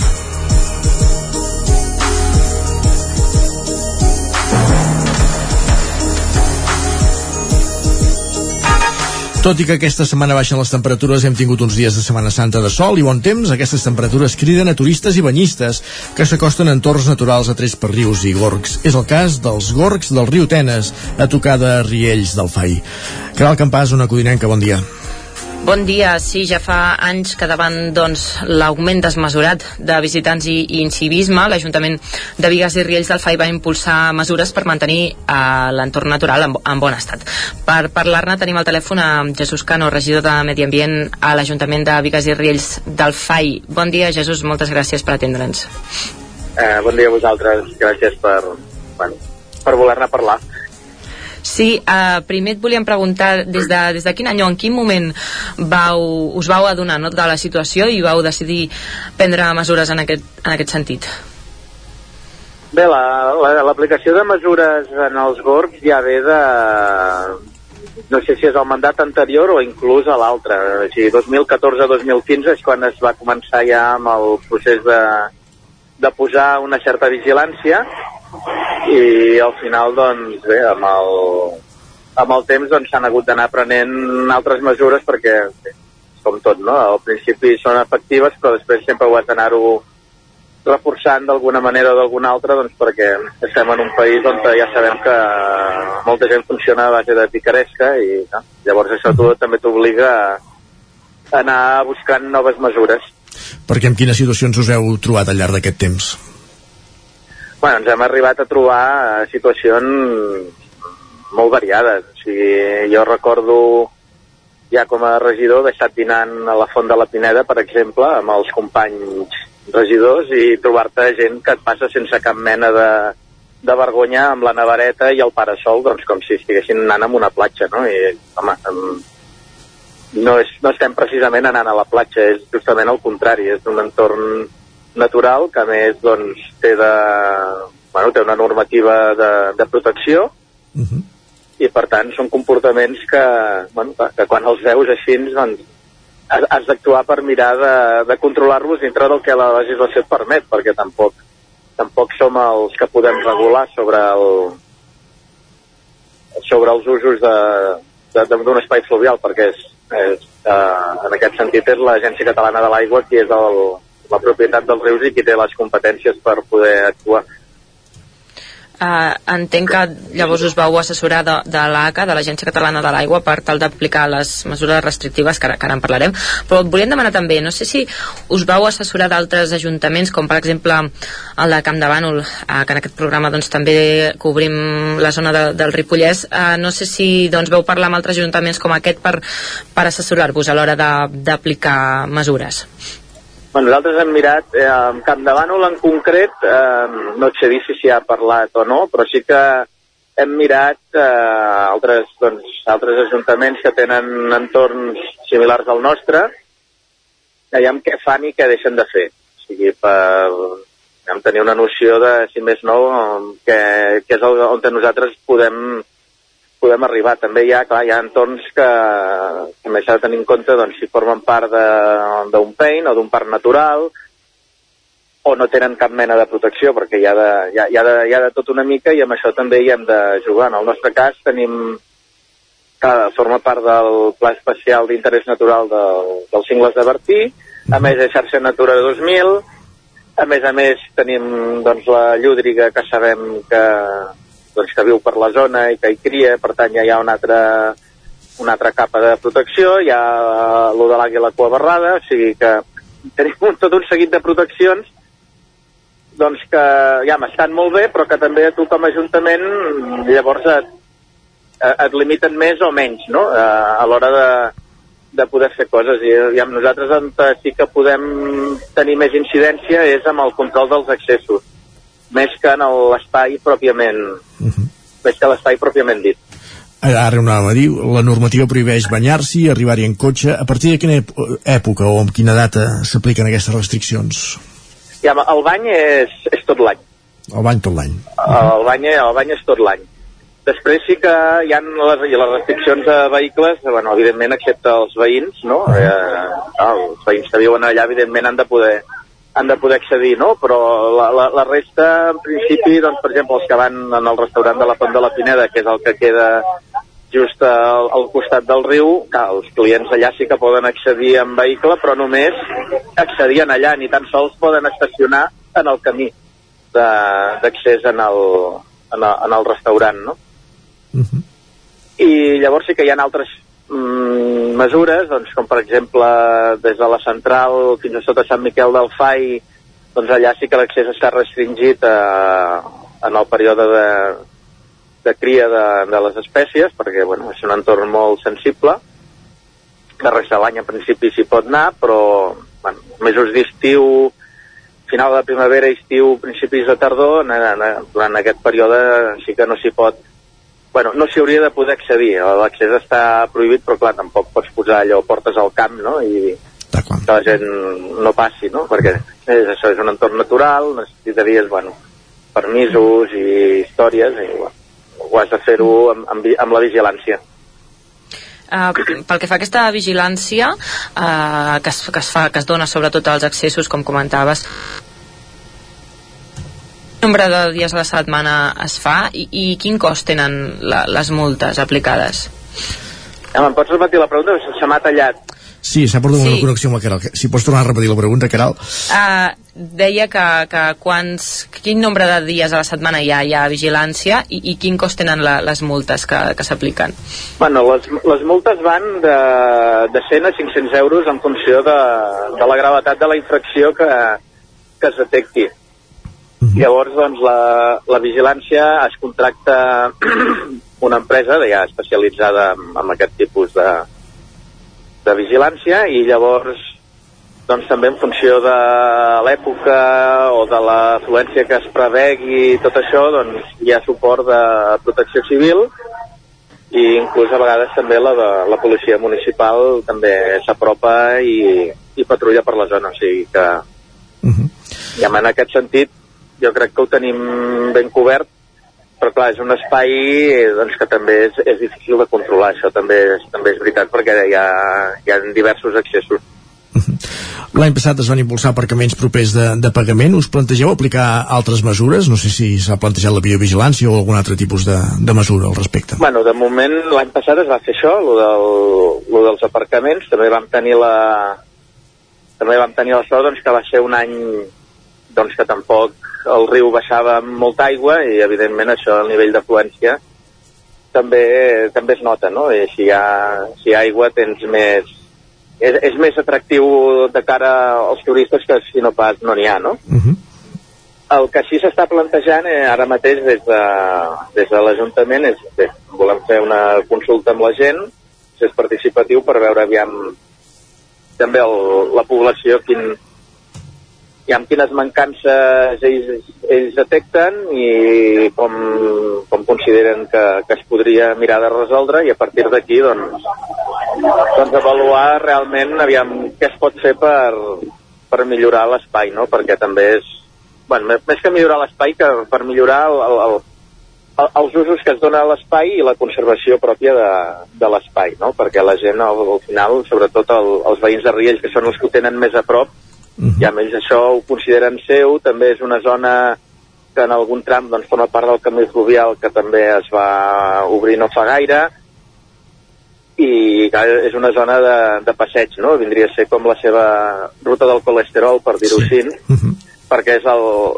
precisament és l'itinerari més planer que hi ha al voltant de Riells, no? Passejar a l'entorn del riu i, clar, i aquests dos últims anys ens hem vist obligats també per, per la situació doncs, de, de tots coneguda doncs, a, a tallar els accessos per evitar justament aglomeracions perquè era el que ens havíem arribat a trobar aquests darrers anys. Doncs veurem com evoluciona la, la situació i si s'han de prendre més mesures o si amb les existents és suficient. Jesús Cano, regió de Medi Ambient de l'Ajuntament de Vigues i Riells del FAI, gràcies per ser avui al Territori 17. Gràcies a vosaltres. Bon dia. Gràcies, Caral, també. Parlem més tard. Fins ara. Fins ara. I el Territori 17 que avança. Tot seguit farem una pausa de 3 minuts i tornem amb la resta de continguts previstos per aquest dimecres 20 d'abril.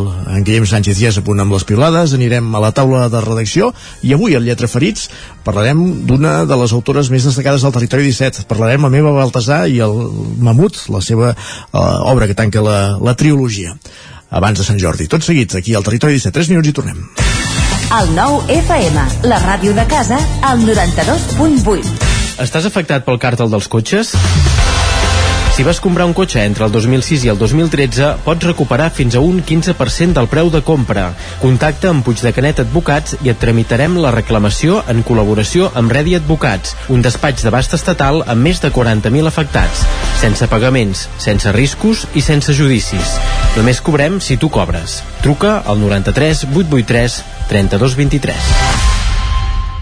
Això és el que s'escolta al voltant d'una caldera saunia d'Oval. Tranquil·litat i benestar, perquè gaudeix del millor manteniment del servei tècnic oficial per estar despreocupat. O el que vulgui. Informis a Oficiat Nord trucant al 938860040. Saunier Duval, sempre al seu costat. Cobertes serveis funeraris. Els nostres tanatoris estan ubicats en els nuclis urbans més poblats de la comarca d'Osona per oferir un millor servei. Tanatori de Vic, Tanatori de Manlleu, Tanatori de Centelles i Tanatori de Roda de Ter. Sabem que són moments difícils i per això el nostre compromís és atendre-us en tot moment amb un tracte humà, sensible i respectuós. Cobertes serveis funeraris.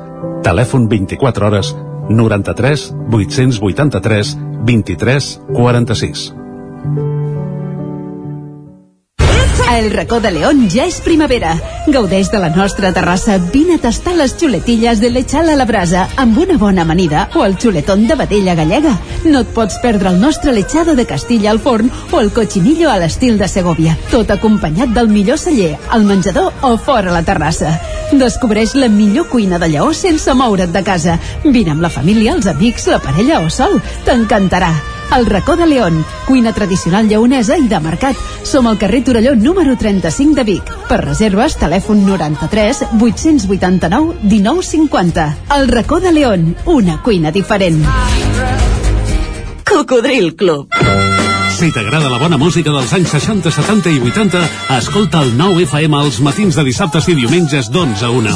És el temps del Cocodril Club, tot un clàssic de la ràdio, amb les bases del pop-rock, les llegendes, les cançons que s'han convertit en autèntics himnes. Recorda, dissabtes i diumenges al matí, d'11 a 1, al 9 FM 92.8. Cocodril Club, el programa revival de l'Albert Malla.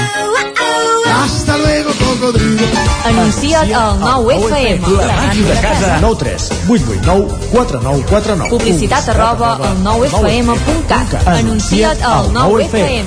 La publicitat més eficaç. El 9 FM, el 9 FM, el 9 FM, el 9 FM.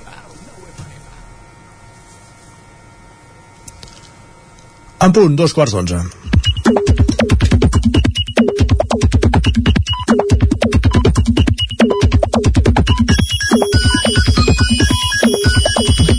I a dos quarts d'onze, qui ens visita cada dia és en Guillem Sánchez, a qui ja saludem. Guillem, bon dia. Bon dia, què tal, com estem? Ostres, avui veiem si vas afeitat o no. Clar, que últimament, eh, ostres, les mascaretes ens impedien acabar de copsar aquests detalls. Aquesta bellesa, aquesta bellesa que... Home, home, amb B alta i amb E, només faltaria la bellesa amb B baixa seria Ja bàsicament per mi. No, no, ja, ja, ja, la, ja- ja, ja la porto jo, aquesta. Sí, sí, sí. Molt bé, doncs va, ja està, així, desemmascarats. Uh, per on arrenquem les piulades i no sé si fan referència també al fet que des d'avui ja es pugui anar en espais interiors també sense mascareta. Sí, en farem referència, tot i que de moment el que hem d'intentar és a veure si l'Eric s'acaba de llevar perquè porta uns dies que està una mica adormit. Ens escriu com una setmana et pot destrossar el teu rellotge biològic del son, és tornar a sonar el despertador i anar cansat per la vida. Això sí, amb un somriure sempre, i des d'avui que ja li podrem veure també aquest, aquest somriure. Tant dintre com a... Això eh, com a fora. Com si a fora ja en teoria eh, li podíem veure en cas que anés desemmascarat. Sí, sí. L'Eloi de moment no ho porta massa bé, ens escrivia avui mateix, diu primer dia sense mascareta i vaya cara que porto, que ni m'he afaitat i porto dos grans que flipes. Carai. Ah, ostres, veus, això dels grans, eh, ahir em parlava amb el meu fill gran i hi havia qui no es volia treure la mascareta als instituts perquè, clar, porten grans, l'acné juvenil, l'adolescent bé i de més grans també, i clar, la mascareta ho tapa tot. Qüestions estètiques que Sí, sí. també seran curioses de veure com, com, com es tracten i com es superen. De fet, l'Estel també sincera en aquest sentit ens diu no estic preparada per veure cares sense mascareta. De fet, eh, ens haurem d'anar acostumant mica en mica tots plegats. I tant. I en Lluc tampoc s'amaga, ens diu sense la mascareta a classe em costarà amagar les cares de fàstic cada dos per tres. Bé, els ulls també hi diuen molt en aquest sentit i crec que tots n'hem après força de llegir mirades a part de boques, però bé, això serien... Vaja, seria una altra cosa. Seguim, va. La Noemi en recorda els principis de tot, ens diu ja ens podem treure la mascareta i a mi em ve a la memòria que la primera mascareta que vaig portar me la va fer la meva mare amb la cortina de la dutxa. És que clar, ara no ho recordem, però fa dos anys no n'hi havia de mascaretes. És a dir, anaven, però és que tenir una mascareta era com avui dia tenir, jo que sé, una rosa de Sant Jordi gairebé. No sé si estava homologada per això aquesta, la de la cortina de la, de la, de la dutxa? Segurament no, però com que no hi havia res més, doncs benvinguda sigui. Va, veurem com evolucionarà el tema de la, de la pandèmia del Covid, ara que, com dèiem, eh, a partir d'avui ja no és obligatori portar mascareta en interiors. L'Ofèlia ens escriu en aquest sentit, diu criticaria les defenses del Barça, però jo vaig agafar el Covid tres vegades en cinc mesos. Esperem que, Carai. ara que no s'ha de portar mascareta, no, no el torni a agafar, que seria també un, una, un, rècord, un rècord bastant important. Si vol fer una comparació amb la defensa del Barça, també podríem esperar que encaixés menys gols i després ja no, no pogués assimilar els dos conceptes, però vaja. Va, portem dies també repetint aquest mantra. Dissabte hi ha Sant Jordi i sí. hi haurà pluja perquè em sembla que han, que han canviat uh, Oh, les sí, tornes, mira, eh? ahir en parlàvem i l'Isaac deia no, no, de cap manera, però ara Comença a la cosa sí, eh? està canviant, sembla que a partir d'avui migdia tarda ja començarà a ploure i que aquesta inestabilitat s'ha Podria d'allargar no un dia, ni dos, ni tres, sinó bé, ja ho veurem, ja ho veurem. Doncs hi ha molta gent preocupada en aquest sentit, però l'Artur ens posa un altre dilema també per aquesta data. Ens diu, debatent amb un amic sobre si ha de proposar-li la primera cita el divendres o el dissabte. Amb una, amb una noia. Home, uh, hi ha coses que com més aviat millor, però si ho fa divendres, que dissabte pensi a regalar-li la rosa, en cas que la anat bé. que vagi bé la cosa. Va, exacte, exacte. Va, i de dates importants va la cosa perquè ahir ens ha passat per una de les dates i efemèrides més importants de la nostra existència. Ara, ens ho clar. recordava la Ara, Milena. clar. Quina? Diu, no és un dia normal perquè el 19 d'abril de 1999 es va estrenar el primer episodi de Plats Bruts. I no en vam parlar aquí. No, cal dir que reconeixem que no em van dir res. En Miró ens fa una recomanació en aquest sentit. Diu, mirar uns capítols de Plats Bruts abraçat al llit és el que necessita un per acabar el dia. Recomanació... Feta. Home, els han passat tants cops i a més a més com que els pots recuperar internàuticament quan vols, doncs si algú se'n vol això, se'n vol administrar alguns, ho pot fer. Va, Va, i, i que parlàvem de mones i de la Maria Nicolau, la cuinera ens ha obsequiat amb un nou missatge a través de les Ah, xarxes. pensava que ens havia fet arribar una no, mona. No, no, encara ah, no. perquè ahir vam no. parlar d'això. L'estem esperant, l'estem esperant Doncs encara. va, Maria, Maria. Diu, ah, he baixat a Vic a fer recados i m'ha parat una senyora pel carrer i m'ha dit Maria, i jo he rigut, i hem anat a comprar el meu llibre plegades perquè li regalarà al seu home que només vol aquest i cap altre i li farem dedicat, que són 5 minuts i estarà tan content. Mira que és fàcil, eh? Que bonic. Mira que és fàcil i que és. També piolava a la tarda que he d'anar a presentar el llibre a la Garriga, que és el, Sí. el seu lloc d'origen, i que el seu pare encara no tenia el llibre. I, Doncs que, i que ja s'esperava una renyada per, per, aquest, per aquest fet. No l'havia portat encara. No, és que se li ha exaurit la primera edició i no ha tingut temps de regalar-li, ves. triomfa, triomfa la Maria amb el seu segon llibre ja, eh? Havia tret un, fa uns quants anys. Va, i per tancar la carpeta de Setmana Santa, el tuit d'en Jordi m'ha semblat d'allò més encertat. Ens diu, estimo molt fort els pollets esgarrats de les mones, els despentinats que miren de tort, que tenen un ull a la viruler, amb el bec arrugat i que no s'aguanten drets. Carai. Home, cal dir que són gairebé tots, eh? Aquell pollet típic de la mona. Va, i per acabar molt ràpid, una petita endevinalla, Jordi, Va. Isaac, a veure si sabeu què és. L'Adrià ens escriu, tant de bo es posessin de moda i en, i en tornéssim a portar. Són comodíssimes i molt precioses. De què pot estar parlant, Les cepetes. Correcte. Carai. Correcte. Jo, Correcte, escolta, quan plou no, però si no, de cara a l'estiu eh, em, em, em duc i em porto, eh? Doncs qui no en tingui ja en pot anar a comprar si no li pot demanar amb en, amb en Jordi que li, Doncs vinga. que li deixi quan no les porti. Doncs fantàstic. Uh, vagi bé, va, demà. vas a comprar set vetes, no, Guillem? Jo en tinc de quan cantava caramelles també, però ja no em deuen anar, anar bé al peu. No, em deuen anar bé. doncs, sí, deus haver crescut una mica. doncs va, a fitxar set vetes, nosaltres ara el que fitxem... 99.cat. Exacte, és un cop d'ull al 99.cat. Comencem per l'edició d'Osona i el Ripollès, que ara mateix obre explicant que la població de més de 85 anys a Osona s'ha multiplicat per 5 en només 4 dècades. déu nhi També tres persones intoxicades per gas a Montesquieu, n'hem parlat avui al butlletí informatiu, i també es parla que el govern espanyol aprova la fi de la mascareta en interiors amb l'excepció de transports, hospitals i farmàcies. Anem cap al Vallès Oriental. Ara mateix el 99.cat obre explicant que el BOE publica la fi de l'obligatorietat de la mascareta en interiors amb l'excepció de transports i centres sanitaris. També un dècim del premi del primer premi de la loteria estatal venut a Mollet. Uh, això també apareix a la portada i a part la línia R3 recupera tres serveis diaris per sentit fins a la Garriga i dos fins a Vic Gairebé és notícia. Sí. Sí. recupera. recupera, sí, cal dir que ja fan obres a alguns Sí, sí, trams del Vallès i per això hi havia algunes afectacions i ara recuperen tres serveis I de fins a la fet- Garriga i dos fins a Vic I de fet, com que és notícia, per això surt del 99.cat. Gràcies, Ah, Jordi. Anem a la taula de redacció.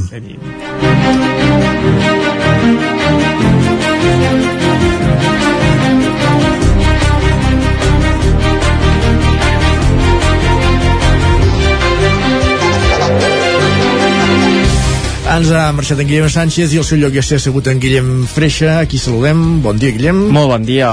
Per parlar de dades socioeconòmiques, d'índexs socioeconòmics, perquè hi ha dos punts de la comarca d'Osona, en aquest cas dos barris, de Vic i Manlleu, que registren un, dades de, a la part baixa, diguéssim, de la mitjana catalana, per entendre'ns. Exacte, sí, això és a, a través d'un dels uh, indicadors que proporciona l'IDESCAT, l'Institut d'Estadística de Catalunya, i en concret aquest és l'índex socioeconòmic territorial. Què és aquest indicador?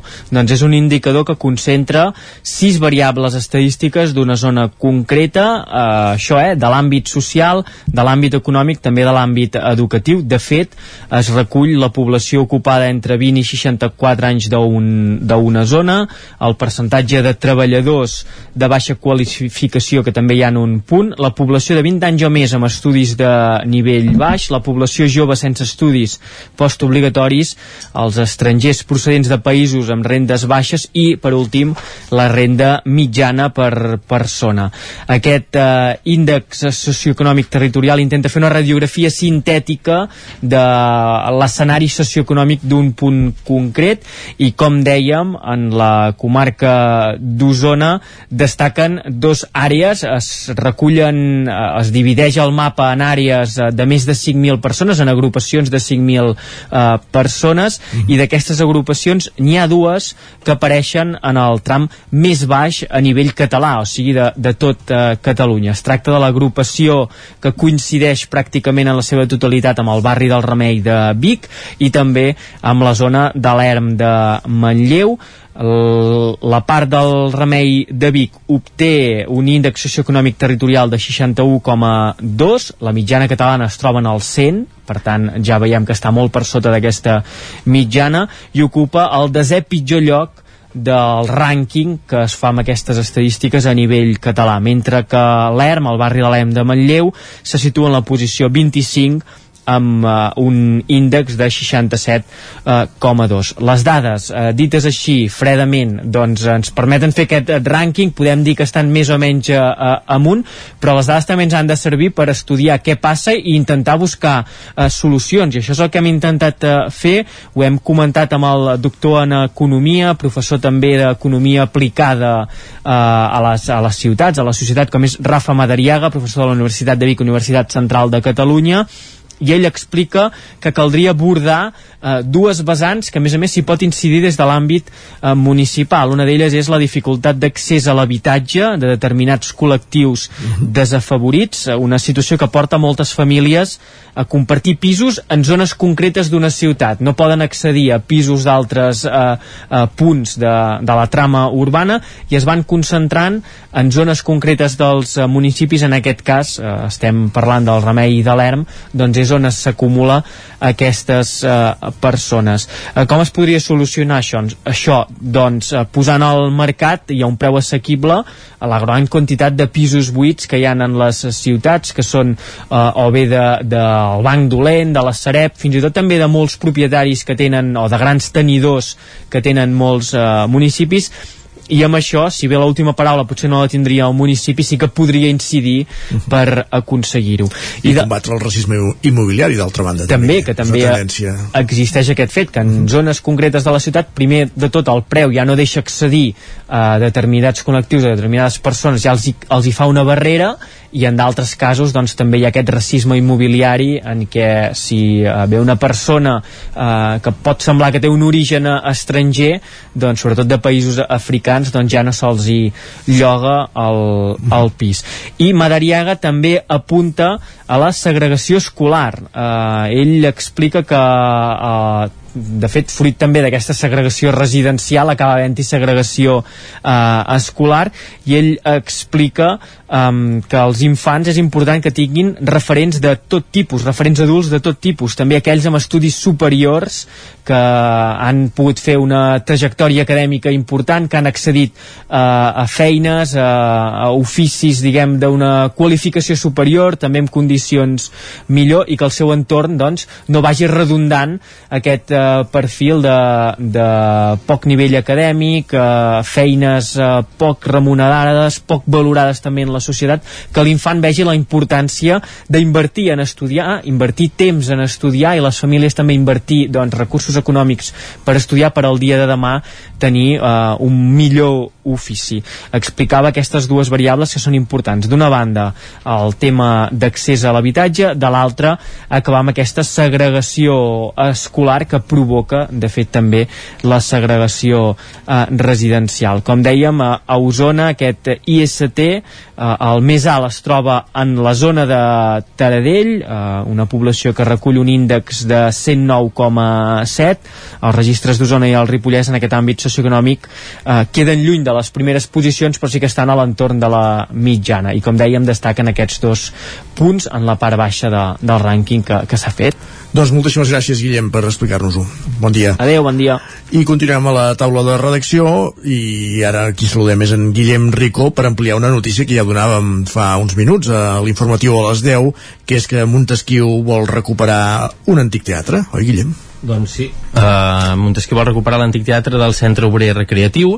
És un espai que està ubicat a l'actual plaça de, de la República, que recordeu que fa un parell o tres d'anys van canviar el nom. Abans era l'Emili Juncadella. L'Emili Juncadella i anteriorment encara havia sigut la plaça Major. Uh, en aquesta època, uh, en l'època que, que es va crear el centre, el casal el centre obrer recreatiu era plaça Major llavors uh -huh. uh, estem parlant d'un edifici que data de, de fa 100 anys Uh, i ara això es vol recuperar perquè des de l'any 2001 uh, és un magatzem i vam entrar l'altre dia i es, es pot apreciar encara la boca de l'escenari uh, a part de, de la façana i en el fons de la boca de l'escenari doncs encara hi ha com un mural d'un paisatge d'unes muntanyes i un cel um, que és el que queda també de, de la, del que havia estat doncs, l'activitat la, teatral. Uh, a banda d'això, doncs, ni les portes de l'entrada es conserven ni tampoc l'antic galliner que es va aterrar per reforçar l'edifici en el seu moment i per tant va desaparèixer aquesta, aquesta part. Uh, parlàvem amb l'alcaldessa uh, perquè de fet tot això ve d'un punt del ple de pressupostos que van fer al febrer o, o a principis de març uh -huh. eh, que s'incluïa una partida de 56.000 euros eh, per començar a reformar el teatre i també hi ha unes peticions de subvencions d'uns 200.000 euros per tant estem parlant d'un projecte d'uns 250.000 euros aproximadament eh, i ens explicava això, no? que quan en el seu moment eh, l'activitat ja havia, ten, eh, havia, deixat de, havia deixat de tenir activitat al teatre perquè estava en mal estat i que li calia una reforma i el que va acabar fent l'Ajuntament d'aquell moment, el 2001, va ser doncs, mm, deixar l'espai per la brigada, diguem, no? Per tant, ara està ple de maquinària i de i d'utensilis i trastos, diguem, de, del dia a dia de, de, de la brigada. Per tant, hi havia una reivindicació també per part del poble de, de, perquè no es va acceptar massa bé que, que es deixés de tenir aquest teatre i, i es fes aquest magatzem i eh, eh, de fet els, els actuals equips eh, grups de l'equip de govern tant som Montesquieu vinculat a la CUP com Junts per Catalunya havien recollit aquesta, aquest aspecte i tenien el seu programa eh, recuperar aquest, aquest teatre. Per tant això ara en el proper ple aprovaran el, el projecte i es preveu fer un escenari diguem a peu pla i el que serà que també es podria enfilar una mica i hi haurà una graderia inclinada eh, tipus Sirvianum de Torelló diguem. Eh, tan accentuada o no tant? Eh, entenem que no tant si més no, no hi haurà tantes files perquè i, que, i, i podran i respectar mica, l'espai perquè els hi capiguen les cames a la gent que s'hi vulgui seure molt bé. Uh, en principi serà això, llavors això, recordem, es va crear uh, en, en, a principis del segle XX es van crear molts ateneus d'aquests obrers. Un va ser aquesta societat obrer, eh, la societat del centre obrer recreatiu de, de Montesiu que es va crear l'any 1900 i van anar amb un espai la, la idea era això, eh, crear espais d'oci i d'aprenentatge i fins a 1920 van ser un local de, de lloguer, llavors els van fer fora d'aquell espai eh, van decidir, estaven entre si el tancaven o, o si es dissolien o què feien, van acabar comprant unes parcel·les que mica en mica eh, van, començar, van començar a fer aquest edifici que es van, anar, es van ampliant amb el temps Uh, fins a la Guerra Civil. Després de la Guerra Civil es va canviar el nom per Salón Teatro de la Feti de las Jones de Montesquieu un tema franquista, després més tard es va dir Centro d'Educació i Descanso i van haver moltes companyies que hi van passar, es va fer molta activitat Uh, també s'hi va fer molt, molt cine i de fet l'activitat va anar minvant a finals dels anys 80 sí que uh, encara l'any 80 per exemple això uh, hi ha unes imatges d'aquesta façana que està tota decorada eh, que es va decorar amb una, amb una quinzena d'art i de fet aquest balcó també ens deia l'alcaldessa que és una mica simbòlic perquè fins que no es va fer l'Ajuntament nou no hi havia un, una balconada de l'Ajuntament diguem, aquest Ajuntament potser té 30 anys. I llavors el que feien era no, hi ha moltes imatges doncs, dels presidents de la Generalitat tant, tant en Pujol com, com els anteriors, fins i tot Macià, eh, companys, eh, presidents de, de la República, doncs que van sortir en aquest, en aquest balcó del, del teatre de, de Montesquieu. Per tant, això una mica recuperar un llegat històric. Un llegat històric, també. Doncs moltíssimes gràcies, Guillem, per explicar-nos-ho. I acabem aquí la taula de redacció i el que fem tot seguit és anar al Lletra Frits, avui, com dèiem, amb Emma Baltasar, una de les autores que es postula per estar al capdavant en les llistes eh, més venuts aquest proper Sant Jordi i que presenta el llibre que completa la seva trilogia. Avui parlem, l'Òscar Muñoz parla tot seguit amb l'Emma Baltasar de Mamuts.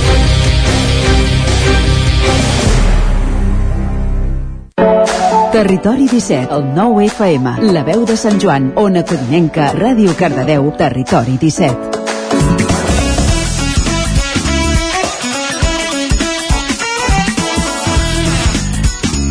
Doncs com dèiem, una de les novel·les més esperades d'aquest 2022, ja fa dies que és a les llibreries, però que també serà una de les obres més destacades segurament aquest dissabte, aquest dia de Sant Jordi, és Mamut, d'Eva Baltasar, autora de Cardedeu, amb, la, amb qui parlem avui al Lletra Ferits. Ho fa l'Òscar Muñoz. Benvinguts a un nou Lletra Ferits des de Cardedeu. Avui parlarem amb l'autora Eva Baltasar, que ja l'hem tingut més d'un cop aquí al Territori 17, ja que ella ve a presentar la seva trilogia ja, com hem comentat, havia estat al Territori 17 amb, amb el llibre de Parmagel i Boulder i ara doncs estrena l'últim llibre anomenat Mamut i doncs l'altre dia vam poder tenir una estona amb l'Eva Baltasar per parlar sobre aquesta trilogia. Bon dia, Eva. Primer de tot, parlem d'aquests noms, aquests, eh, els noms dels llibres, els anomenes Boulder, Parmagel i Mamut quina relació tenen entre aquests tres, com, com els vas escollir? Sí, Mira, eh, clar, jo vaig començar amb Parmagel sense saber que seria ben bé una novel·la i va ser molt, molt al principi escrivint el text que em va sortir la paraula Parmagel i dic, ostres, per mi és claríssim que serà el títol perquè és una metàfora de la protagonista. Llavors, és una protagonista que té com aquesta capa permanentment glaçada que la illa i alhora la protegeix d'un exterior que ella percep d'una societat com agressiu per ella. Llavors, jo vaig acabar d'escriure el Parmagel i un cop acabat, ostres, m'havia passat també aquell any eh, escrivint i sobretot creant una, una protagonista que havia estat una gran, una gran companyia per a mi que vaig decidir doncs, que volia més, volia més de seguir-me llevant cada matí enamorada d'una protagonista, d'un personatge, d'una dona que per mi era molt real i en aquell moment vaig decidir que n'escriuria dos més. I els títols em van venir de seguida. Vaig pensar, mira, si he de conèixer dues dones més a través de la literatura i el títol han de ser metàfores d'elles, doncs jo voldria conèixer una boulder, és a dir, una dona que fos aquesta roca immensa que podem trobar en llocs molt aïllats del planeta, no? en aquest cas al mig de l'oceà, que sembla que ho, ho pot suportar-ho tot, però que també està patint les inclemències i el desgast de la, de la climatologia. Per tant, també s'esquerda i també van sortint coses d'allà dintre i l'altre vaig pensar, doncs un mamut no, no que sigui un mamut que és, és un ésser extint, està extingit llavors una dona que potser se senti que, que hagi nascut en el lloc i en l'època equivocada, que estigui en el lloc equivocat i que alhora doncs, eh, representi una mica aquestes bèsties no? que pots imaginar que en el seu moment per envergadura i per força eren animals que dominaven el seu territori però que també estaven a l'ull de mira dels caçadors d'aquella època i ella una mica vivint a Barcelona, que és tal com comença la novel·la, doncs se sentia així, se sent, um, ella és llicenciada en Sociologia, té una feina a la qual no hi troba el sentit, després va itinerant per una sèrie de feines molt precàries, com suposo que hem fet tots al llarg de la nostra vida, i, i sent que, que, que s'estan aprofitant d'ella, se sent, per exemple, ella expressa, m'estic acostumant, és molt fàcil acostumar-se a l'explotació, que és molt fàcil acostumar-se al patiment perquè vas fent, vas patint i vas tirant, no? I, i sent una mica que tot això l'està portant cap a l'extinció d'alguna manera Per tant, de les tres protagonistes és la que jo vaig decidir que faria el pas no de parlar des d'aquest malestar, que les tres parlen des d'una zona de malestar, sinó de començant per aquí, fer el pas de desengaviar-se, no? de, de marxar i de parlar des d'un altre lloc propi ja. Llegint els llibres podem veure que les protagonistes comparteixen temes en comú, amb la, la maternitat, però sobretot una maternitat en solitari. Eh, L'altre dia vaig llegir que la gent doncs, empatitzava molt amb les protagonistes i se sentien identificades. Com has aconseguit perquè, doncs això, per arribar a, a aquest públic, a tanta gent, i que puguin empatitzar també amb els teus personatges?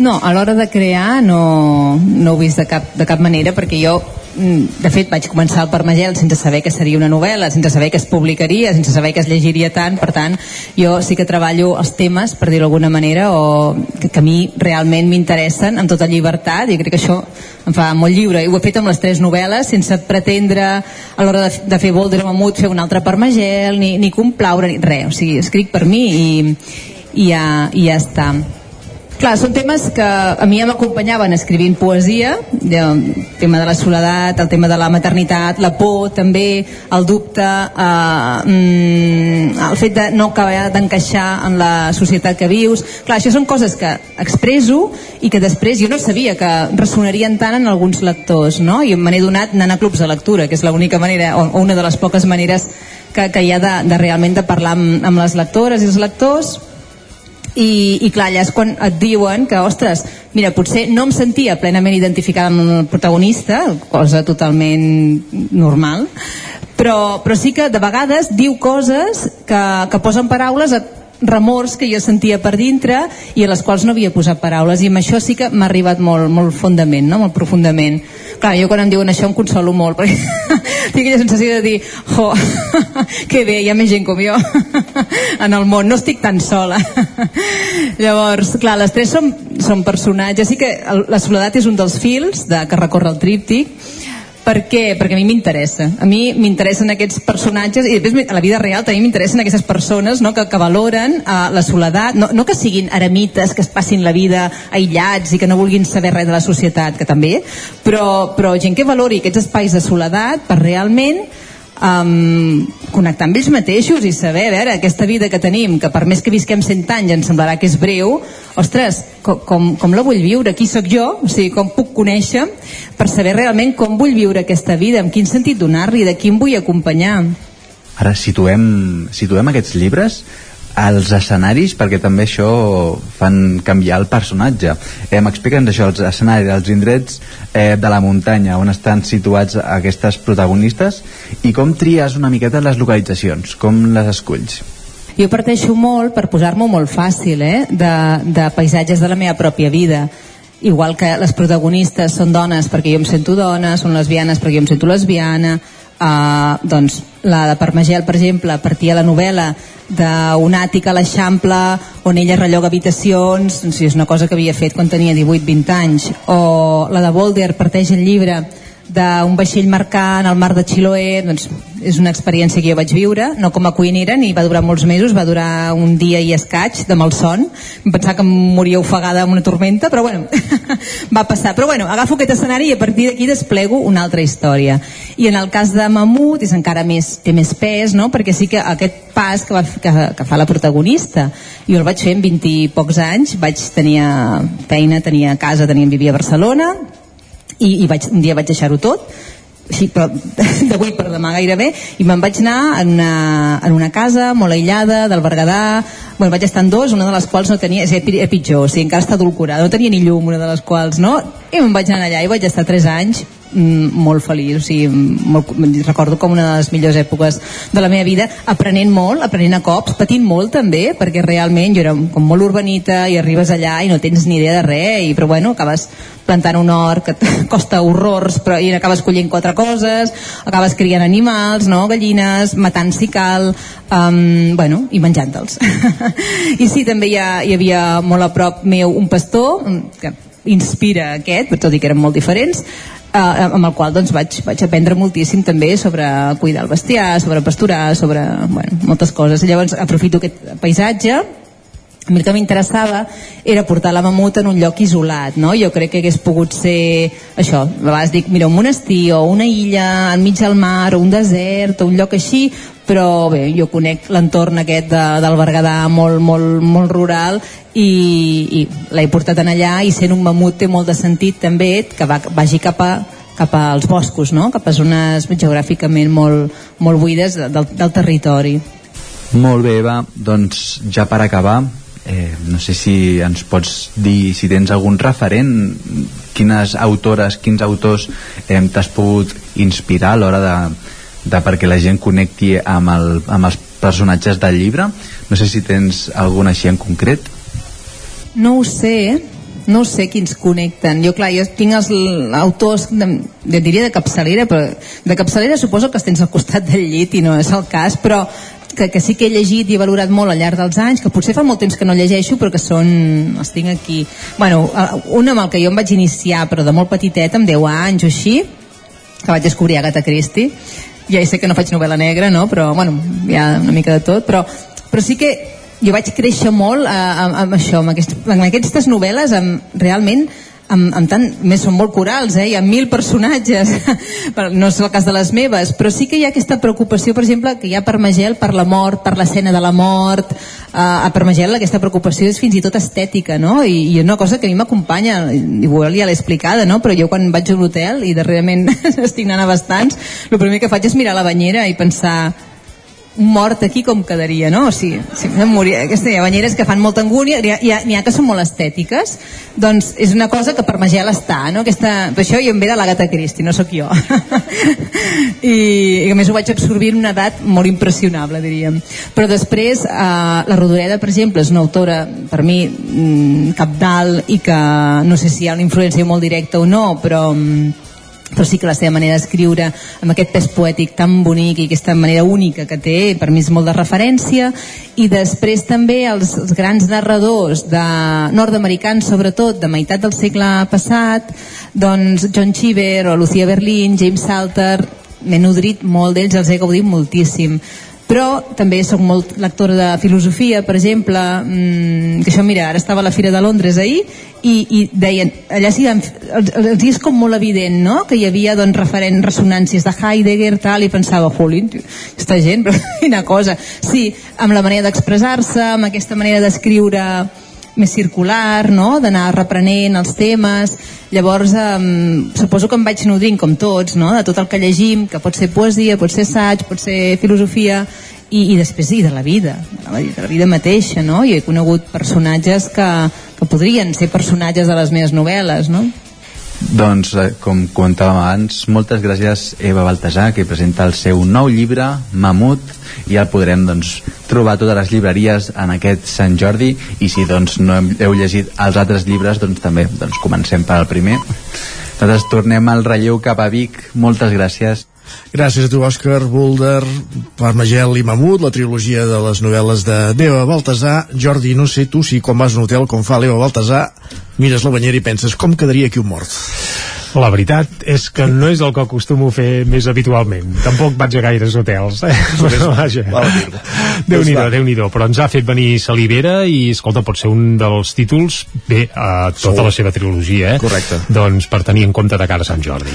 Doncs eh, notat aquesta proposta i el que fem tot seguit al Territori 17 quan passa un minut de les 11 és actualitzar-nos perquè com dèiem ara passa un minut de les 11 del matí. Territori 17 amb Isaac Moreno i Jordi Sunyer.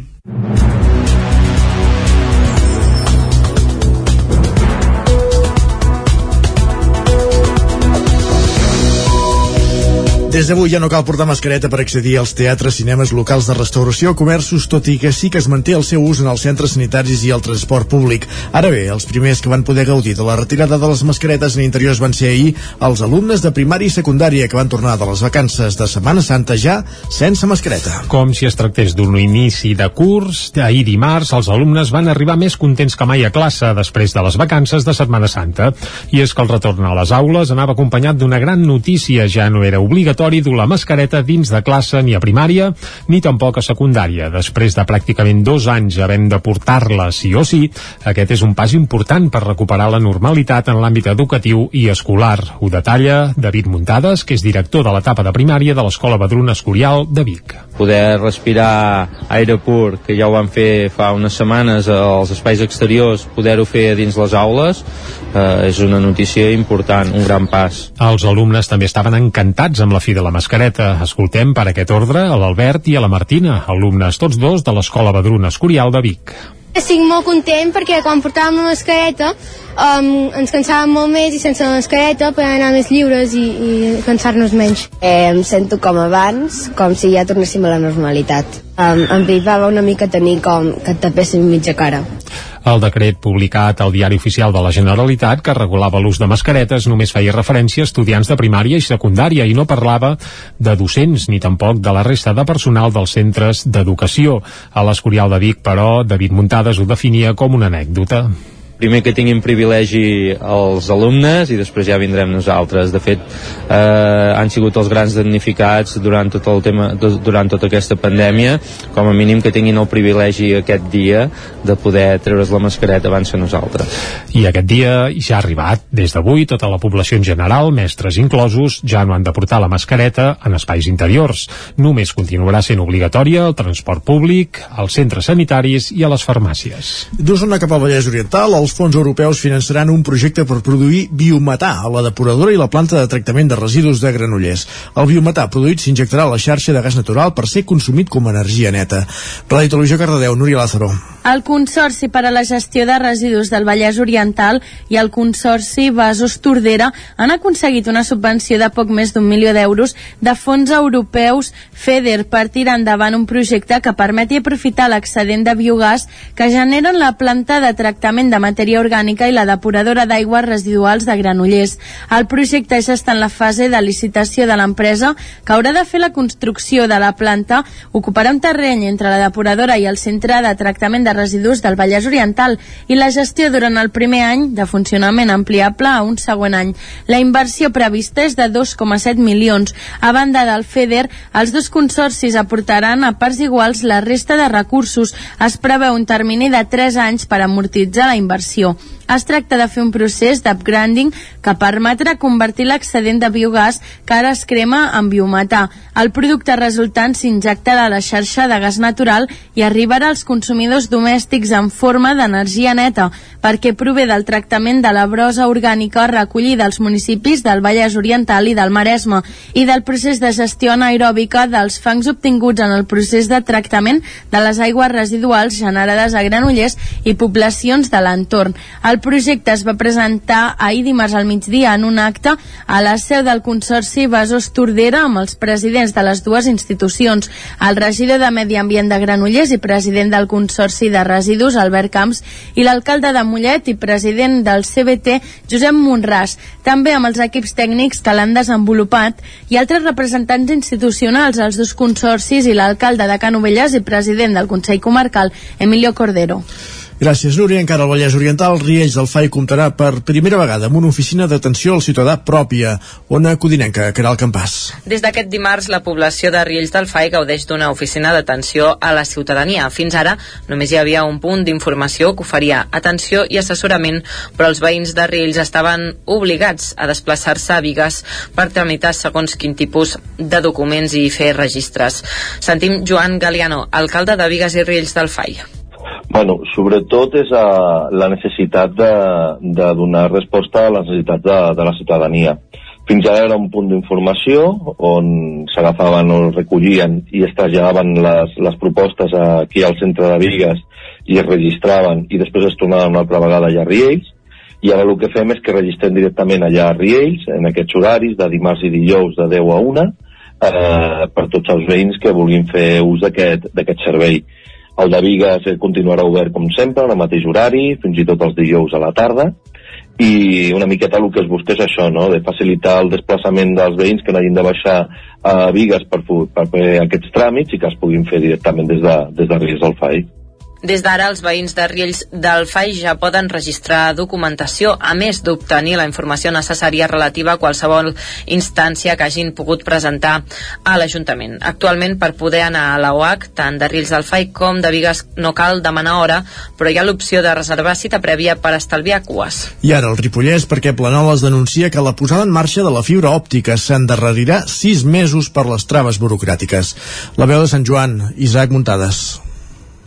Durant el mes de març, l'empresa proveïdora de fibra òptica Adamo va instal·lar tot el cablejat a Planoles i a la resta de nuclis del municipi com Planers, Les Casetes i el Puig. Només faltarien el veïnat de Can Gasparó i Cruells, que estan una mica més allunyats del nucli urbà. La previsió inicial és que la fibra òptica estigués operativa pel mes de maig, però una sèrie d'imprevistos farà que això no sigui possible fins a almenys el pròxim mes d'octubre o novembre. L'alcalde planolenc, David Verge, explica que Adamo volia fer passar la fibra òptica per una pista formigonada que ve des de Ventolà soterrant-la per una rasa que hi farien. Llavors travessarien la carretera nacional 260 fins a les casetes, on hi ha el cable de telèfon per poder unir tot el trencaclosques. Resulta que Planoles és on hi haurà la caixa central de la fibra òptica de la vall i, per tant, també s'endarrerirà el desplegament de la fibra als nuclis de Toses, Fornells de la Muntanya, Nevat, Dòrria, Campelles, Bruguera i Ventolà. Resulta que calen tres permisos d'obres per fer la rasa, ja que la meitat de la pista pertany a Planoles i l'altra a Ribes, i en necessiten un altre per creuar la nacional. Planoles va donar-los el permís, però Ribes considerava que havia de passar per la Comissió d'Urbanisme de Girona de la Generalitat de Catalunya, i així és. Per tant, Adamo haurà de presentar un projecte específic per justificar que aquesta rasa no implica cap impacte mediambiental i els tempos s'endarreriran. Que aquest projecte específic ara l'hem de tenir amb exposició pública. Un mes amb exposició pública. Potser hi ha temes que són més urgents o menys urgents i en lloc de fer un mes es podria fer 15 dies. Després l'haurem d'aprovar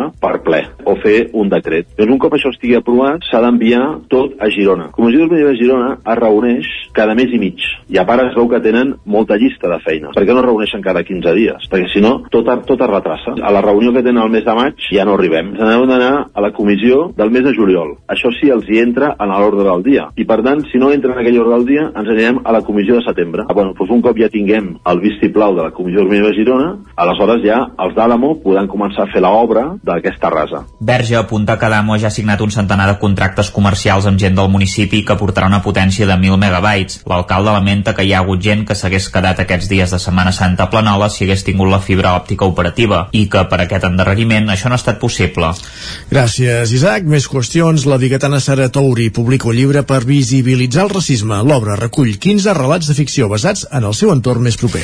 Desenllaços, identitat, dol migratori i racisme. Aquest és el títol del llibre que la biguetana Sara Touri ha publicat amb Naret Edicions amb l'objectiu de fer visible una realitat que, segons explica ella mateixa, part de la societat vol silenciada. Touri és educadora social i filla d'una família migrada del Marroc i explica que el tema de la identitat múltiple, el dol migratori i el racisme sempre li havia interessat. I finalment, durant el confinament, va trobar el moment per escriure i ho va fer a través de 15 relats basats en vivències del seu entorn més proper. A partir de diversos personatges, tots migrats o descendència marroquina i residents a Catalunya, l'autora narra sense embuts diferents realitats viscudes, tot plantejant qüestions d'identitat en el sentit que et consideren immigrant aquí i turista allà. L'autora també tracta el dol migratori i el trencament familiar quan no hi pot haver reagrupaments. Un dels relats de desenllaços és autobiogràfic. L'autora pretén fer un homenatge a la seva àvia, que va morir durant la Covid, precisament en un moment en què ho tenien tot preparat per anar-la a veure, però la pandèmia ho va impedir. Aquest relat es titula Que no sigui massa tard i és l'únic que va acompanyat d'una il·lustració que ha fet la seva germana, l'activista Yousra Touri, per fer-lo més especial. El llibre es va presentar dissabte passat a Lleida i avui dimecres, a partir de dos quarts de set, es presentarà a la sala Mercè Torrents de la Universitat de Vic. Esports. I a la pàgina esportiva els expliquem que el proper 14 de maig Vic serà la seu de la primera edició d'un festival ciclista innovador, amb curses i activitats obertes a totes les edats i nivell d'esportistes. Es tracta del Bike Show Vic Osona, una proposta que vol acostar el món de la bicicleta i les seves diferents modalitats a tot tipus de públics. Per això s'organitzaran fins a sis proves de bicicleta tot terreny. Les més exigents seran dues curses de llarga distància de 142 i 89 quilòmetres respectivament, que travessaran racons emblemàtics d'arreu de la comarca d'Osona. El nou festival ciclista també acollirà la renovada Marathon Cup 3 Turons Vic, que celebrarà la segona edició. En total tindrà 40 quilòmetres, però també hi haurà una versió popular de 37 quilòmetres sense la pressió del cronòmetre. El Bike Show Vic Osona comptarà també amb una prova de gravel per pistes forestals de la comarca i una altra per a BTTs elèctriques. Els més joves també tindran el seu espai amb diverses curses adaptades a les seves edats.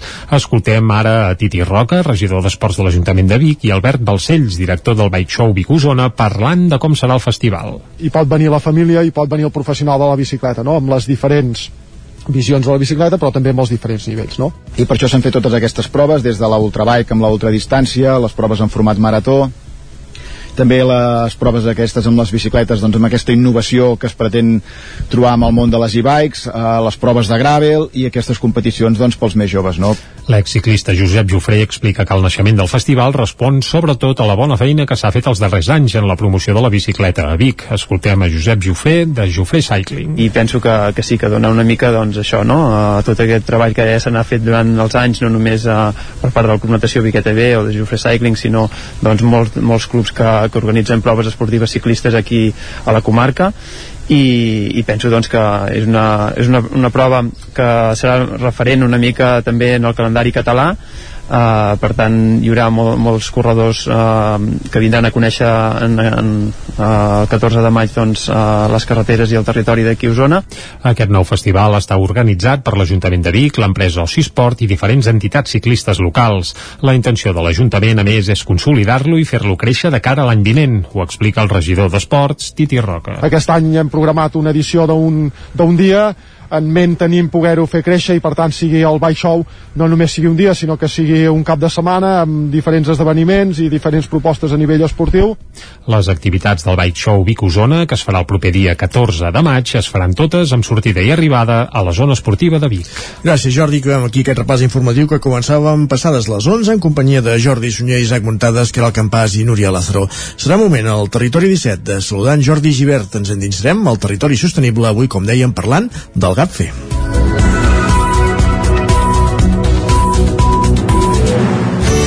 Territori 17. Envia'ns les teves notes de veu per WhatsApp al 646 079 023. 646 079 023. WhatsApp Territori 17.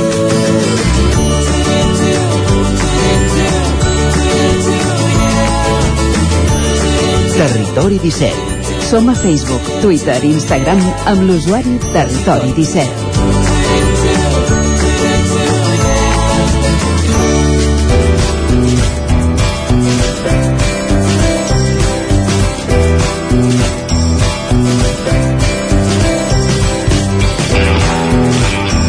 Un minut perquè sigui un quart de dotze, ja sabeu que cada dimecres a aquesta hora al territori 17 el destinem a descobrir iniciatives sostenibles a casa nostra dins el, la secció Territori Sostenible que ens acosta cada setmana en Jordi Givert des d'Ona Codinenca. Busquem productors de proximitat, busquem tot tipus d'iniciatives en l'àmbit de la natura, com per exemple eh, l'estudi sobre el gat fer, el gat, el gat salvatge, una espècie que hi ha als boscos de casa nostra i de la qual parlarem avui en aquesta secció, el Territori Sostenible sostenible amb Jordi Givert.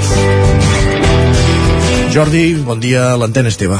Avui al Territori Sostenible volem conèixer un projecte que busca avaluar la situació del gat fer a la comarca del Moianès i a diferents punts de Catalunya.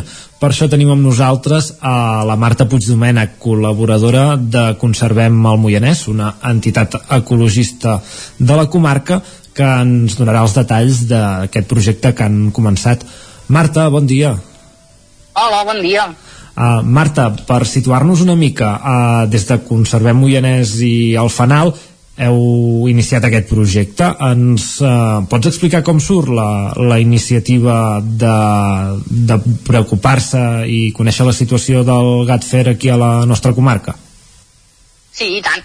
Doncs mira, eh, tot surt arrel d'una xerrada que van venir a fer la, la gent del grup Fèlis, que és el grup de, de recerca en carnívors de Catalunya, de, de la Institució Catalana d'Història Natural, sobre el gat salvatge. Llavors, arrel d'aquesta xerrada, que va tenir molt, molt bona acollida, doncs ara les dues entitats i altra gent a títol particular doncs ens hem començat a, a plantejar d'intentar fer el seguiment d'aquest mamífer no només d'aquest, és a dir, específicament pel gat salvatge, però també és veritat que fent el seguiment del gat salvatge segurament trobarem molta informació d'altres carnívors del, del Moianès, com la guineu, el teixó o altres, altres animals. Mm -hmm. O sigui que aquest projecte està, estarà englobat a dins d'un que, que va a nivell de, de Catalunya, entenc. Correcte, és a dir, la gent, la gent del grup Celis tenen, ja tenen a altres, altres comarques eh, seguiments del, del gat salvatge. Nosaltres l'únic és que en aquest cas eh, no seguirem un protocol allò molt, molt estricte, sinó que amb càmeres de les dues entitats, amb càmeres de fototrampeig, perdona, perquè el seguiment uh -huh. el mhm. fem principalment amb càmeres de, de fototrampeig que posem, que posem al bosc, doncs a nivell de les dues entitats i gent particular que, que tenim càmeres, doncs col·loquem aquestes càmeres al, al bosc. Uh -huh. O sigui, a partir d'aquestes càmeres que vosaltres teniu uh, en diferents punts del bosc, uh, intentareu captar no, aquesta, aquesta espècie i, i, i la fauna que, que viu a, aquí en els boscos de la comarca. Correcte. Nosaltres hem dividit tota la comarca del Moianès en diferents quadrícules Llavors, ara comencem a posar, a posar càmeres a dins de cada una d'aquestes quadrícules, a llocs on creiem a passos de fauna, és a dir, que ja es vegi que, que hi passen animals. Llavors, aquestes càmeres són les càmeres que es disparen amb el, amb el moviment. Llavors, en el moment que passa un, un animal per davant, doncs, eh, fa una fotografia i llavors nosaltres l'anem a revisar al cap d'unes setmanes i així podem veure una miqueta quina és la, la fauna, en aquest cas carnívors, que, que tenim a la comarca. Um, aneu amb alguna, amb alguna idea pre, prefixada? Teniu alguna dada? S'ha fet algun estudi? Quina és la situació del gat salvatge uh, aquí al Moianès? Uh, Se'n coneix molt la presència? És escassa? Com, quina és la situació que creieu que hi ha? De fet, només hi ha una dada i una cosa com molt, molt puntual de fa, si no recordo malament, com un parell d'anys, eh, al municipi de, de l'Estany, però és que no hi ha res més. És a dir, es podria dir que la informació quasi és nula. Per tant, és, és molt rellevant. Si sortís alguna cosa, realment seria, seria, seria important. Uh -huh. O sigui, està eh, si hi és no, no, se, no se'l coneix eh, gaire no? si, si està aquí, eh, o sigui se l'ha vist amb contagotes, podem dir Correcte, correcte, vull dir, només aquesta vegada. Uh -huh. Llavors sí, sí que és veritat que, que sí, sí que hi ha presència al Lluçanès, per tant, seria d'esperar que pogués, que pogués baixar cap, a, cap al Moianès però de moment això encara no, no està confirmat. Uh -huh. uh, però aquesta espècie és, és autòctona de, dels boscos de, de la Catalunya central. Eh, uh, com és un gat uh, salvatge? És, és d'aquí, va, va arribar en algun moment uh, i, i va desaparèixer més tard? Quina és la seva història? Clar, el problema del gat salvatge és que és, és, és una espècie que, que ara, bueno, en els últims anys, s'ha començat a, a fer seguiment, però que realment és una espècie molt desconeguda. És a dir, d'entrada, on, on principalment podem dir que es troba és, és Pirineu i Prepirineu. L'únic és que, bueno, a través del grup Fèlix, no, que han posat esforços en, en fer el seguiment, doncs se l'ha trobat en, en altres llocs. Per exemple, al Montseny també, també se n'han trobat, o els, els ports de, de, de Tortosa Llavors, segurament és, és qüestió de temps de que vagi baixant més cap a, cap a les nostres contrades i de que intentant fer seguiment doncs en trobem, en trobem algun rastre. Uh, clar, és un, és un, és un carnívor de, de, sabeu de què s'alimenta uh, un, un gat salvatge uh, aquí en, en els boscos? Clar, nosaltres normalment intentem, intentem mirar si hi ha, per exemple, eh, camps pel costat o xifrats que, que, que hi hagin restes que puguem veure que hi ha micromamífers o així, és un bon lloc perquè ells realment eh, és una bona zona perquè puguin caçar allà. Uh mhm. -huh. Llavors, eh, seria l'ideal per, la, per, perquè ells s'ho mengessin. Uh, molt bé, uh, heu pogut uh, arribar a tota la comarca? Uh, has dit que l'heu dividit uh, en quadrícules, o sigui a tots els municipis de, del Moianès hi haurà uh, alguna càmera que pugui uh, detectar la presència del gat salvatge? Sí, correcte. Correcte, la idea és uh, dividir en quadrícules, per tant toca a tots, a tots els, els municipis del, del Moianès llavors normalment intentarem tenir-la entre 5 i 6 setmanes la, la càmera per tant a tot arreu hi acabarà, acabarem tenint alguna dada i que sigui d'això, de, de, de carnívors en general, encara que no, si, no surti el, el gat. Uh -huh. Uh, ens parlaves d'aquests altres uh, carnívors quins són els animals que espereu trobar suposo que a part d'aquests uh, senglars que suposo que també dispararan les càmeres o, o el cabirol que són més habituals teniu la idea d'algun altre animal que, que pugui aparèixer per aquí? Mm. Sí, de fet, quan posem la càmera, de seguida el que ens surt és el que, els que has comentat tu, senglar i cabirol és el que més, el que més ens surt Llavors, sí, tenim, tenim guineu, eh, geneta i fagina, que també sempre fan, sempre fan gràcia de, de veure, el teixó, llavors eh, aquests són com els que esperem més típics, diguéssim, de trobar. Llavors també és veritat que fent aquests, fent aquests seguiments, doncs a vegades pot ser, no? És a dir, hi ha, hi ha també hi ha algun, algun projecte que, que estava fent seguiment de, de turó, que, és, que també és un animal que és, que és com molt poc conegut, vull dir que llavors no descartem que a part dels típics i poder més, més, més coneguts doncs ens en surti algun altre de més escàs. Um, uh, sobre el, el gat uh, fer uh, quina, quin és el, el paper amb aquest ecosistema que, que hi hauria aquí al, al Moianès i aquests altres animals que ara ens explicaven Uh, com d'important és que, que hi hagi de, la seva presència en, en els boscos? Què, què porten en positiu? Mm -hmm. bueno, una miqueta és amb, amb, com tots els, els animals, no? és a dir, les cadenes, les cadenes tròfiques sempre sent com molt important poder-les mantenir i que realment hi acabin sent, si no hi ha alguna problemàtica concreta, que tots puguin, puguin acabar existint, perquè tots formen part no, de la cadena tròfica i en el moment que, toques alguna coseta allà al mig, doncs a vegades pot ser que eh, acabis tenint algun, algun desequilibri. Uh mhm. -huh. Llavors, igual que el gat, però amb, amb, com amb totes les espècies, crec que, que és important poder tenir com a mínim el coneixement del, del, seu, del, del seu estat, no? de les poblacions que, que en tenim. Uh mhm. -huh. Uh, després de el gran, uh, aquest projecte a nivell català uh, té, alguna, té algun objectiu alguna finalitat uh, més a part de, de conèixer el, la, la situació del, del propi animal a, a nivell de país? Mm. Sí, jo crec que és uh, principalment és conèixer la població del, del gat salvatge però també és el que comentàvem no? és a dir, que fent, fent l'estudi aquest acabes tenint una informació com molt valuosa de tots els carnívors en general vull dir que no només és, no només és la del gat sinó que acabes fent un, un, un seguiment de, de tots aquests, aquests, aquests mamífers Uh -huh. Ens comentaves que en algun lloc proper aquí al Moianès ha, ha, ha aparegut, ens comentaves al Montseny, el, alguna, alguna zona més de, uh, propera que el Pirineu ha, ha aparegut uh, o hi ha presència de, de gat salvatge? Bueno, el més proper que, en, que ens acaba quedant és el, el Lluçanès, que per mhm. això doncs, potser tenim l'esperança de que acabi, acabi baixant fins al, fins al Moianès. Uh mhm. -huh. I el Lluçanès no seria com això que hem dit de molt puntual de fa dos anys a, aquí a, a l'estany, sinó que se l'ha vist amb més regularitat. Correcte, sí, sí. És a dir, no, no, allà desconec exactament quantes vegades els hi ha sortit i en quins punts concretament, però sí que ja és com una presència més, més clara de que, de que allà hi és. Uh -huh. Molt bé, doncs uh, Marta, moltes gràcies i estarem alerta de com va evolucionant el, el vostre estudi. Has dit que serà durant les properes setmanes que, que el dureu a terme. Sí, comencem ja les properes setmanes a començar a col·locar les càmeres i a partir d'aquí seguirem, eh? Vull dir, serà una cosa d'anar traient una càmera, posar-ne una altra i anar fent... Uh mhm. -huh molt bé. Doncs, uh, Marta, moltes gràcies i seguim en contacte. Perfecte, gràcies a vosaltres.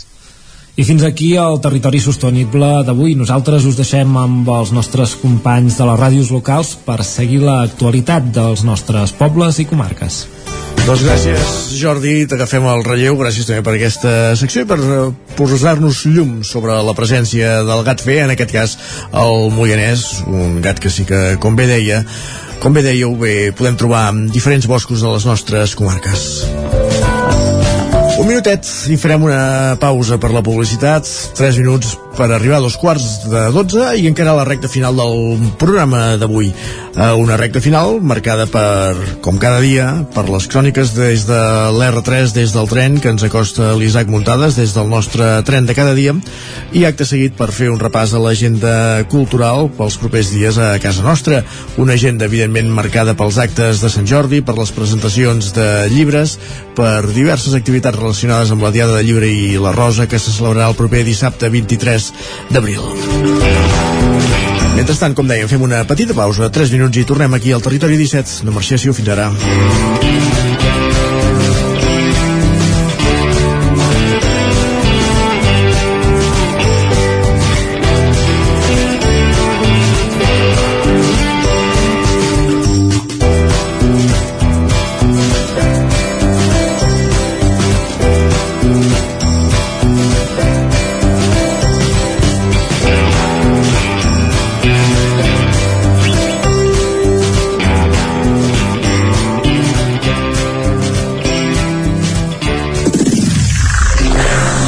9 FM. El racó de León ja és primavera. Gaudeix de la nostra terrassa. Vine a tastar les xuletilles de l'Echal a la brasa amb una bona amanida o el xuletón de vedella gallega. No et pots perdre el nostre lechado de Castilla al forn o el cochinillo a l'estil de Segovia. Tot acompanyat del millor celler, al menjador o fora la terrassa. Descobreix la millor cuina de Lleó sense moure't de casa. Vine amb la família, els amics, la parella o sol. T'encantarà. El racó de León, cuina tradicional lleonesa i de mercat. Som al carrer Torelló número 35 de Vic. Per reserves, telèfon 93 889 1950. El racó de León, una cuina diferent. Arriba la primavera i tornen les samarretes. A Gràfic Cert tenim una extensa varietat de samarretes per vestir el teu personal, promocionar la teva empresa, club esportiu, associació... Si estàs organitzant un esdeveniment esportiu o una festa cultural, una samarreta és una bona opció per lluir la teva marca. Ja ho saps, si el que necessites per la teva promoció és una samarreta, Gràfic Cert és el teu proveïdor. I ara també tenim a la teva disposició samarretes 100% reciclades tant de cotó com de polièster. No esperis més i truca'ns al 93 886 12 15 o visita'ns a graficcert.com. Has d'organitzar un esdeveniment? A l'Ineixat lloguem les cadires, taules, plats, coberts, rams de flors i tota la decoració necessària per preparar qualsevol esdeveniment. Vine a buscar material per a festes, casaments, celebracions culturals, espectacles, concerts o reunions d'empresa i de família. Ens pots venir a veure al passeig de la Generalitat número 52 Baixos de Vic, buscar-nos a les xarxes o trucar-nos al telèfon 670 38 96 25. Ah, i també ens trobaràs a Girona. A l'Ineixa tenim tot el que pots necessitar per fer-te la vida més fàcil. La Clínica Dental Sant Fortià hi trobareu un equip professional que treballa de manera coordinada per oferir un tracte sensible i humà. Estem preparats per qualsevol urgència dental i oferim accions preventives per la tercera edat i els infants. El doctor Ramon Garcia, implantòleg de Barcelona, fa 10 anys que visita Torelló. Clínica Dental Sant Fortià. Ens trobareu a la plaça Sant Fortià número 9 de Torelló al 93 859 6408 i al 690 92 51 99. Animals domèstics. Centre Caní Monteferrari. Residència, escola canina i educacions a domicili. 30 anys d'experiència. 622 41 61 16. Monteferrari.cat. Anuncia't al 9FM. La màquina de casa. 9 3 8 8 9 4 9 4 9. Publicitat arroba al 9FM.cat. Anuncia't al 9FM. La publicitat més eficaç. El 9FM. Territori 17. A Tren d'Alba. Cada dia els usuaris de la línia R3 de Rodalies que veuen sortir el sol des d'un vagó ens expliquen les gràcies i les penes del primer comboi que uneix Ripoll i Barcelona. Benvinguts a Tren d'Alba. El nostre cronista Jordi Valls ens va informar que el pròxim dilluns hi haurà un canvi d'horaris a la línia R3. L'usuari Pol Bielsa va fer un anàlisi ràpid dels nous horaris arran de les obres del túnel de Castellbisbal, en què se suprimeixen els trens semidirectes a tota la línia, a excepció del que seria el tren ràpid a Puigcerdà, que avança la seva sortida de la Cerdanya a les 5 i 24 minuts, amb més parades que actualment. De Sants a Puigcerdà els trens tardaran 3 hores i 13 minuts, i el ràpid, entre cometes, passarà a ser el darrer tren en pujar fins allà, que trigarà 2 hores i 58 minuts. Veurem com van aquests nous horaris. Només esperem que els trens, ara sí, arribin puntuals, perquè si no, no sé de què serveix modificar-los. Va, ens retrobem demà amb més històries del tren i de la R3. Territori, Territori 17. 17. Territori 17.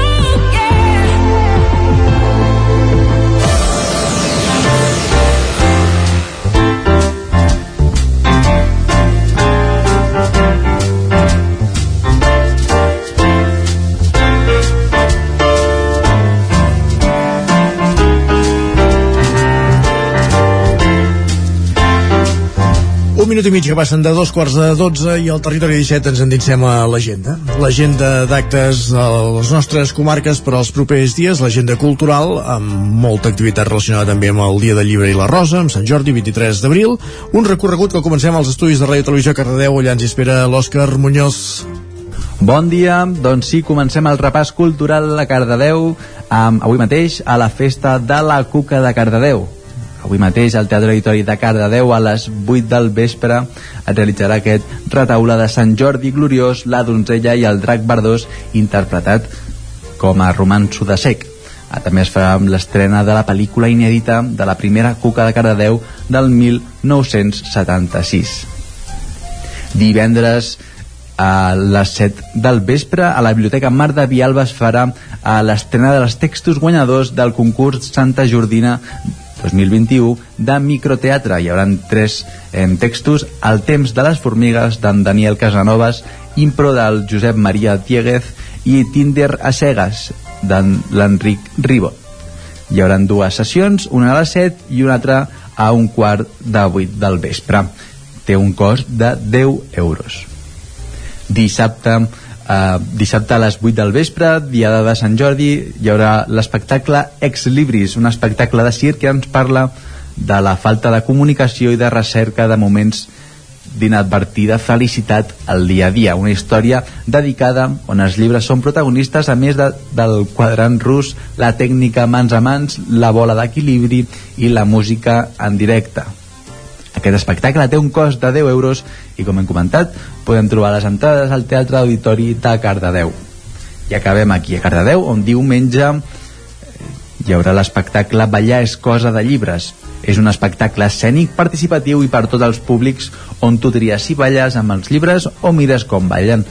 També amb un llibre a les mans. És un espectacle on, com ja heu pogut veure, el llibre es converteix en la teva parella de ball, on el teu acompanyant per anar al teatre.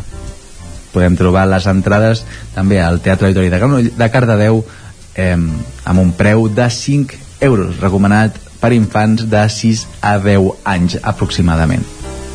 A Granollers, el dia 23, dissabte, hi haurà doncs, una jornada castellera on els xics de Granollers començaran a les 11 del matí fent un taller de castellers i després doncs, sí que ja farien els seus propis castells. Diumenge 24 al Teatre Auditori de Granollers es farà la música d'avui, un concert familiar organitzat per als amics de la Unió de Granollers i la orquestra de cambra del Teatre Auditori de Granollers estrenaran una obra nova per primer cop les notes doncs, passaran del pentagrama eh, que ja tenien bastantes ganes aquesta unió, fusió del el cor dels Amics de la Unió i de l'Orquestra de Cambra de Granollers.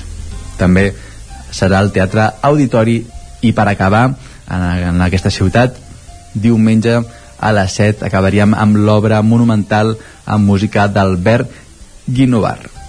El Messies d'Albert Guinovar eh, es va realitzar l'any 2020 per celebrar el 25è aniversari de la creació de l'Escola de Música Amics de la Unió i va ser un treball encarregat per que fes l'Albert Guinovar la composició d'un Maciès a partir dels textos d'en David Pintor. A quatre mans, en Guinovart i el pintor van crear tota aquesta obra sinfònica i doncs ara ens la presenten al Teatre Auditori de Granollers. Podem trobar les entrades a les taquilles del Teatre Auditori des d'uns 12 euros. I acabem a Llinars del Vallès, dimecres a les 7 del vespre es farà la presentació del llibre Llinars del Vallès desaparegut. En marc de la Diada de Sant Jordi, doncs, tindrà lloc aquesta presentació a les 7 del vespre al Castell Nou on podrem descobrir un recull inèdit de 170 imatges. I acabem divendres a Llinars del Vallès amb el Teatre Familiar Camí de l'Escola, una història basada en fets reals on tres germanes un camí i un objectiu tenen el futur a les seves mans. És una història doncs, que ja eh, més d'un cop hem pogut escoltar doncs, eh, la història d'aquestes tres germanes que s'enfronten a obstacles i perills diàriament per arribar a l'escola és un espectacle que inspira a, als més venuts i a tothom és un espectacle que recomanem des d'aquí i doncs això, podem trobar eh, les entrades al Teatre Auditori de Llinars del Vallès. I fins aquí seria aquest repàs cultural eh, per aquest de setmana marcat pels actes de Sant Jordi. Perfecte, Òscar, moltíssimes gràcies. Bon dimecres. Parlarem demà més qüestions aquí al Territori 17 des de Ràdio Televisió Cardedeu. El que fem ara és anar cap a una altra emissora del Vallès Oriental, on a Codinenca ens hi espera la Caral Campàs. Caral, bon dia. Hola, bon dia. De nou. I repassem una mica l'agenda d'actes aquesta zona del Vallès. Sí, començo pel Moianès, si et sembla. I tant, um, sí. Amb una exposició de petit format, uh, bé, que s'anomena petit format, perdó, una exposició col·lectiva que recull obres de, de prop de 130 artistes del Bages i el Moianès que es pot veure a Cal Rosa, a Monistrol de Calders, uh, fins al 24 d'abril, eh, fins a aquest uh, diumenge. diumenge sí. Uh, no deixo el Moianès i aquí també tenim altres propostes, com per exemple a celebracions, celebracions de Sant Jordi, a la capital, a Mollà, a, diferents, a totes les poblacions. Us destaco la de Calders, que bé, habitualment potser és un poble del que no parlem massa, doncs mira, aquest dissabte a, a la tarda a la plaça Major hi haurà entrega de premis del certamen literari Anton Busquets de 6 a 9 de 6 a 7, perdoneu, i a partir de les 7 a la plaça Major també hi haurà sessió de micròfon obert de, bé, de lectures pròpies, alienes, qui vulgui doncs podrà pujar a recitar i música en viu, també hi haurà una taula d'intercanvi i, i servei de, de barra, tot plegat a, aquest dissabte. Al Moianès també tenim una altra proposta, en aquest cas a diumenge hi ha a Santa Maria d'Oló, un concert amb Arribar i ploure, uh -huh. amb l'èxit de les cançons Paraules d'Antes i Xof per tu. Uh, això serà a les 6 de la tarda, a l'espai Amalosa de Santa Maria d'Oló, el preu de l'entrada és de 12 euros anticipada que es pot trobar per Entràpolis o 15 euros a, a taquilla i eh, tanco el Moianès amb dues propostes més. Eh, una també a Santa Maria d'Oló és una proposta de cinema infantil eh, com aquest concert eh, que deia més a l'espai a Malosa però en aquest cas dissabte a les 11 i projectaran Bon dia món, uh, un film adreçat a infants a partir de, de 5 anys i bé, l'entrada té un preu de, de 3 euros. I tanco el Moianès amb, uh, amb el Centre Espai Escènic de Castellterçol que comença la programació professional al centre aquest diumenge a les 7 de la tarda amb Ovelles de Marta Mafrà i Iago a Alonso amb Biel Duran, Sara Espígol i Eduard Buch uh, serà doncs aquest diumenge com deia a les 7 de la tarda amb un preu de 12 euros i mig i enceten així doncs, la seva programació professional del centre que s'allargarà doncs, cada mes fins al setembre-octubre en aquest any on, on celebren 5 anys de, de la programació professional del centre. Eh, Me'n vaig cap a Vigues i Riells del FAI, aquí mm -hmm. tenim aquest uh, bé, tenim Sant Jordi, dia de Sant Jordi aquest dissabte. Um, hi haurà doncs, diferents paradetes uh, de 10 a 2 a la plaça Miquel Bosch de Vigues. També hi haurà lliurament de premis de, dels Jocs Florals. A les 12 espectacle familiar Llegendes i Rumbes a càrrec de Gep Gasulla. I a dos quarts d'una presentació del de, llibre Arrels, dos pobles i un municipi de Miquel Mas. I on també doncs, es celebrarà Sant Jordi és a Riells del Fai amb, serà en aquest cas a la tarda. Bé, al matí fan Vigues i a la tarda doncs, Riells perquè la, la gent pugui anar a tots dos eh, espais tots dos llocs. Um, aquí hi haurà a Riells a partir de les 5 tallers i xocolatada. També hi haurà espectacle d'animació infantil Somriures Nòmades a càrrec de Tito Roger i més tard doncs, Vall de Gitanes a càrrec de la colla de Vigues i Rills del Fai i Botifarrada i concert del Rit Rosters amb, amb DJ també després. Tot això dissabte i us parlo també del Sant Jordi a Caldes de Montbui i del Sant Jordi a Sant Feliu de Codines. Uh, aquí a Caldes les activitats comencen a, avui mateix amb la presentació del llibre Transhumància a càrrec del seu autor Tomàs Mas. Uh, serà avui a les 7 de la tarda a la Sala Noble de Can Rius. Um, aquest divendres uh, també a Caldes com us deia a l'Escola de Música Joan Valls amb la participació de, de totes les escoles de primària del municipi oferiran la cantata La Vaca Florinda um, serà aquest divendres a les 6 de la tarda al pavelló municipal del Bugarai um, aquest eh, divendres també a les 7 de la tarda hi ha la presentació d'un altre llibre La casa dels meus morts de Josep Txeca amb mm. escultures i pintures d'Estil Tenedor i fotografies de Quim Desquens. Serà a les 7 de la tarda al Casino de Caldes. Um, i bé, tot, el gruix d'activitats serà, serà dissabte. Bé, podrem tornar a veure totes les colles culturals que al carrer amb vermut eh, musical hi haurà ballada de gegants i capgrossos també actuaran a la, la, la colla castellera, l'agrupació sardanista, els Diables, bé, um, podrem veure doncs, uh, totes aquestes colles altra vegada al carrer i també hi haurà les habituals parades de llibres. I a Caldes hi hauran um, tres activitats més. Un és el concert de l'Orquestra Municipal Joan Valls en aquest cas diumenge uh -huh. uh, a les 12 música de pel·lícules uh, que tindrà lloc a la Sala Noble de Can Rius amb, amb entrada lliure. Um, també hi ha un altre concert diumenge a dos quarts de set de la tarda a càrrec de l'Orquestra Principal de la Bisbal al Casino de Caldes, un concert que es diu Cançons de Mar i Muntanya i eh, s'allargarà tot fins dilluns a Caldes eh? Uh, dilluns doncs, acabaran totes aquestes activitats de Sant Jordi amb la lectura de poemes a les 7 de la tarda a càrrec de Blanca Llum Vidal que és considerada una de les veus doncs, més potents del panorama literari català i Molt aquesta bé. lectura de poemes serà al Casino de Caldes a les 7 de la tarda i, I a Sant Feliu Sí, a Sant Feliu tenim aquest dijous la presentació del llibre El cavaller Floyd amb Laura Sandrós i Janis Cinca a partir de dos quarts de vuit de la tarda, una presentació organitzada per Òmnium al Centre Cívic La Fonteta.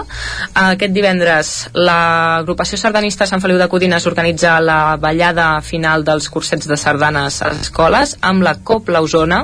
Serà divendres de 5 a, a 6 de la tarda a la plaça Josep Humbert Ventura.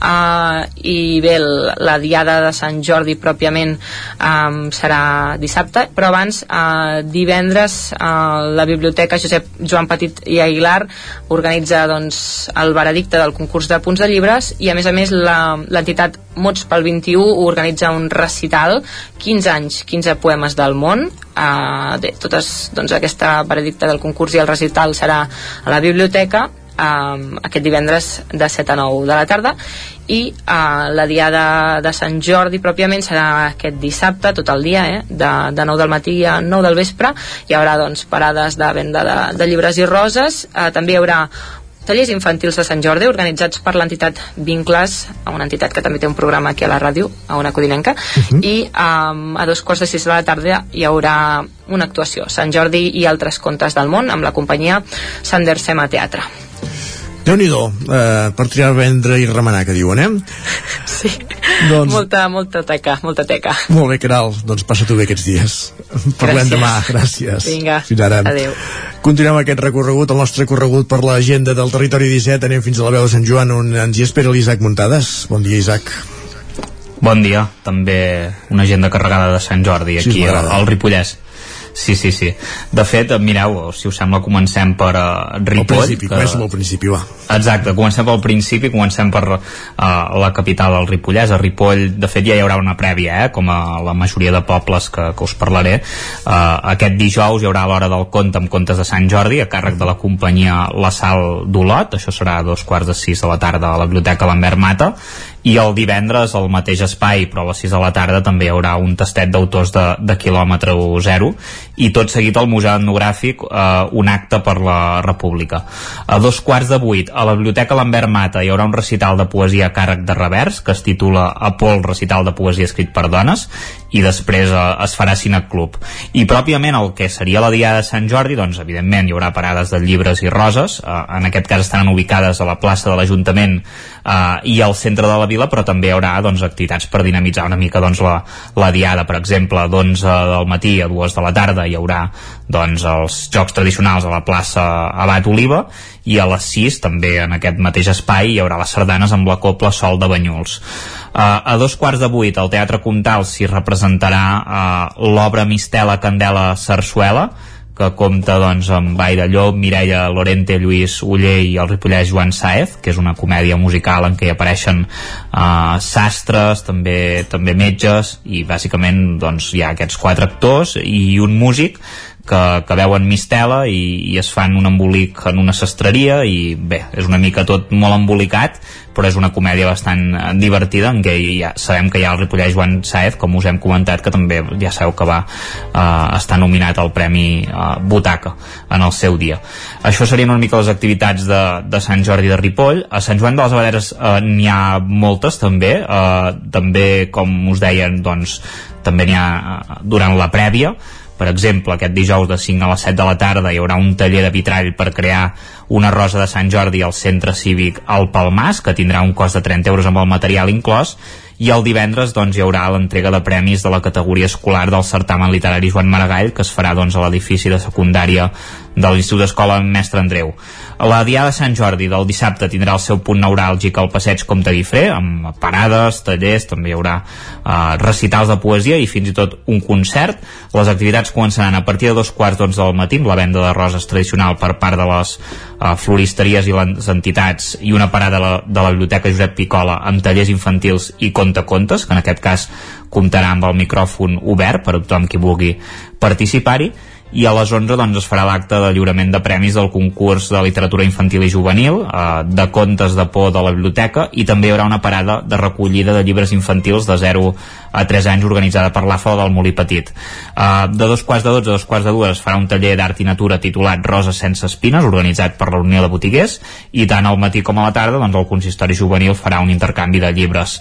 A la tarda, eh, a dos quarts de cinc, començarà eh, el recital Dones properes escriptores de proximitat proximitat, que comptarà amb les autores Rosa Torrent, Carme Porcel i Montserrat eh, Picola, i a les 6 es presentarà el llibre Biografia, Inventari i Transcripció de l'obra literària de Josep Picola i Soler de, de Dolors Vilamitjana, que ens endinsa doncs, en la vida i obra del poeta, amb l'anàlisi profunda doncs, d'aquests dos aspectes, tant de la biografia com de, de l'inventari i transcripció. Després de la presentació es donarà a conèixer el veredicte del 12è certamen literari Joan Maragall, que enguany doncs, ha rebut 25 obres de poesia i una 65 de narrativa i per acabar la jornada doncs, el concert que us dèiem a dos quarts de, bus, eh, dos quarts de vuit del vespre el grup Ripollès i Usonenc de Tafaners doncs, barrejaran estils com el jazz, el swing i el folk.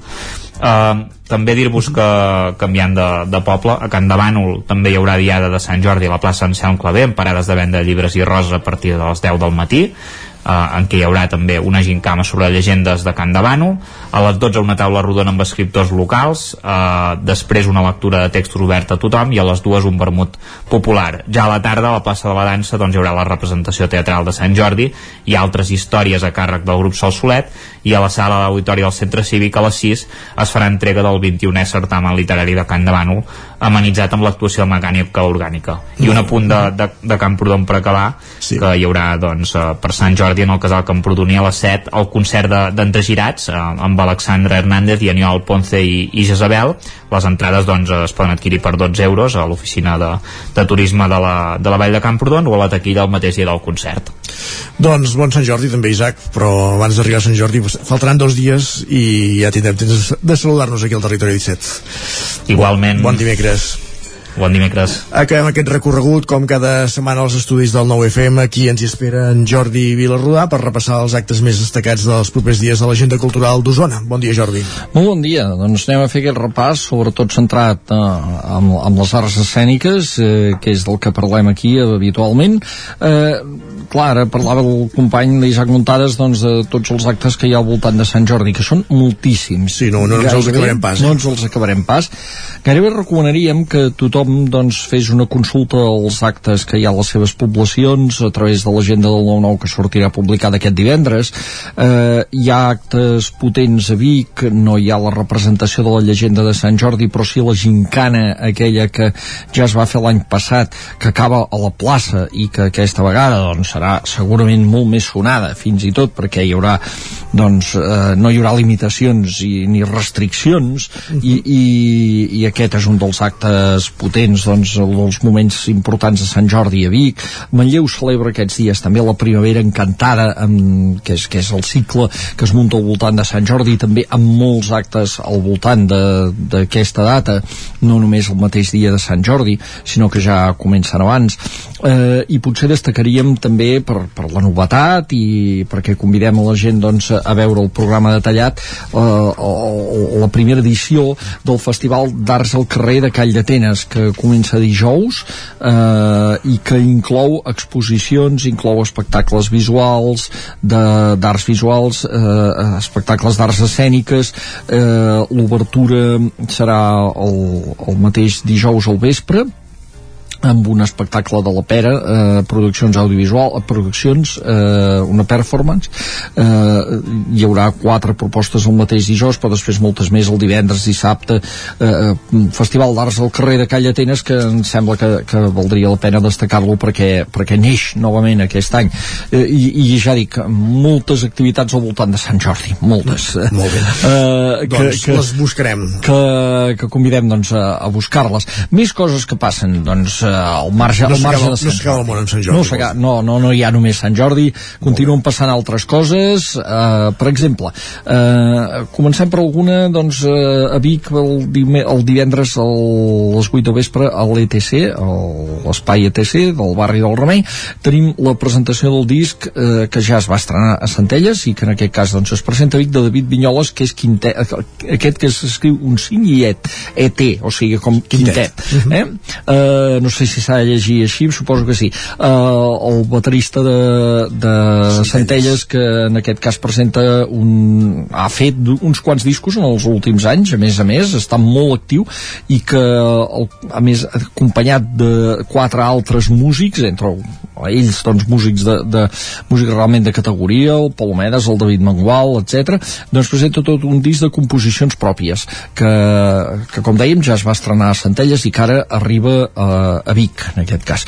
Eh, anem per altres propostes. L'Atlàntida, per exemple, el mateix dia, el divendres, també hi ha concert, en aquest cas de música clàssica, amb dos músics joves i prometedors que són uh, l'Alma Olite al violí i el Jorge Nava al piano. Això és a les 8 del vespre a la sala Joaquim Maideu uh, de l'Atlàntida. A l'Atlàntida també hi arriba i en aquest cas el tema diumenge però per no moure'ns del mateix lloc una proposta que a tothom li sonarà. Ja. uh, Terra Baixa d'Àngel Guimarà però a més a més en la versió que ha sortit del programa que es va fer a TV3 ah, o sigui, allò era ja, doncs ja. Uh, el càsting per trobar un, uh, uns actors i actrius que fessin una posada en escena de Terra Baixa. I després doncs quan va, quan va acabar-se el programa aquesta companyia que va sortir del programa dirigit per l'Àngel Llàcer ha sortit de gira eh, se'n recordeu, no? Del Llop va, tenir, va ser un gran èxit d'audiència de TV3. Doncs ara han sortit de gira i arriben a l'Atlàntida aquest diumenge. Eh, esclar, nosaltres ho diem perquè aquí eh, som complidors i ho hem de dir tot el que passa però no us en feu il·lusions que no, no hi ha entrades. No hi ha entrades. Eh, si no és pas que hi hagi una casualitat doncs hi havia dues sessions programades el diumenge a la tarda i es van exaurir totes dues ja fa dies o sigui que això ha estat un èxit el que fa absolut, la tele eh? el que fa la tele perquè és clar evidentment no anem a veure doncs una terra baixa que ja fi, que ja l'hem vista moltes vegades no, eh, sinó que, que, que esclar l'èxit per què s'explica l'èxit d'aquesta proposta? S'explica doncs perquè ha sortit d'aquest programa de televisió. O sigui que si voleu veure doncs en fi la Marta, en Manelic, en Sebastià la Núria, etc que van sortir del programa sota la direcció d'en Llàcer doncs eh, em sap greu però ho tindreu ja una mica complicat per aconseguir les entrades. Això el diumenge a l'Atlàntida, però el diumenge teniu una altra opció, com que us heu quedat sense entrades per anar a l'Atlàntida, doncs podeu anar al Sirvianum. Perquè al Sirvianum hi ha una proposta molt bona, que és la uh, Producciones Illana, que és una companyia que va, si us recordeu, va fer un espectacle que es deia Pagagnini. Era sí. uh, els, els membres d'aquesta companyia, juntament amb el cèlebre violinista Ara Malikian, que és malabarista del violí, aquell home, i ara fan unes, un segon, fan un espectacle que es diu Maestríssimo, que ho presenten com Pagagnini 2, com la segona part d'aquell espectacle, sense l'Ara Malikian, en aquest cas, això sí, però continua amb la mateixa idea d'una mena de concert de cambra barrejat amb comèdia satírica amb un retrat d'una època de l'època del barroc i el neoclassicisme del 18, del 17 i el 18 eh, un músic la història d'un músic que, que té molt de talent i intenta progressar per aconseguir el títol de maestríssimo d'aquí ve el nom de l'obra i, i un lloc per divertir-se per sentir música però a més a més per divertir-se molt. I, i, i és molt recomanable doncs diumenge ja ja que no es podrà anar doncs, a veure a Terra Baixa doncs anar a veure Paganini a les 6 de la tarda al Teatre Sirvianum de Torelló. Uh. -huh. Més coses. Aquell cap de setmana es destaquen els teatrets d'Osona que fan una autèntica, eh, en fi, una oferta, una llau d'oferta als diferents teatrets que repassarem aquí ràpidament també. Eh, per exemple, el divendres a les 8 de vespre al Teatre Eliseu de Roda celebrant el Dia Internacional de la Dansa, una obra que commemora el quart centenari de la mort de Miguel de Cervantes, que s'escau precisament el dia de Sant Jordi, com molta gent ja sap, i que es diu No sin mis huesos, que és d'una companyia, eh, Iron Schools, eh, que, que presenten doncs, un món doncs, d'obsessions i pensaments que saltaven a Cervantes durant el temps que va estar al presoner al, al, G, al G eh, eh, aquesta època de la seva vida. Eh, més coses que tenim en els teatrets d'Osona, en aquest cas ens n'anem a la sala la Canal de Tona el mateix dia de Sant Jordi Jordi el dissabte i tenim un espectacle que es diu Carola.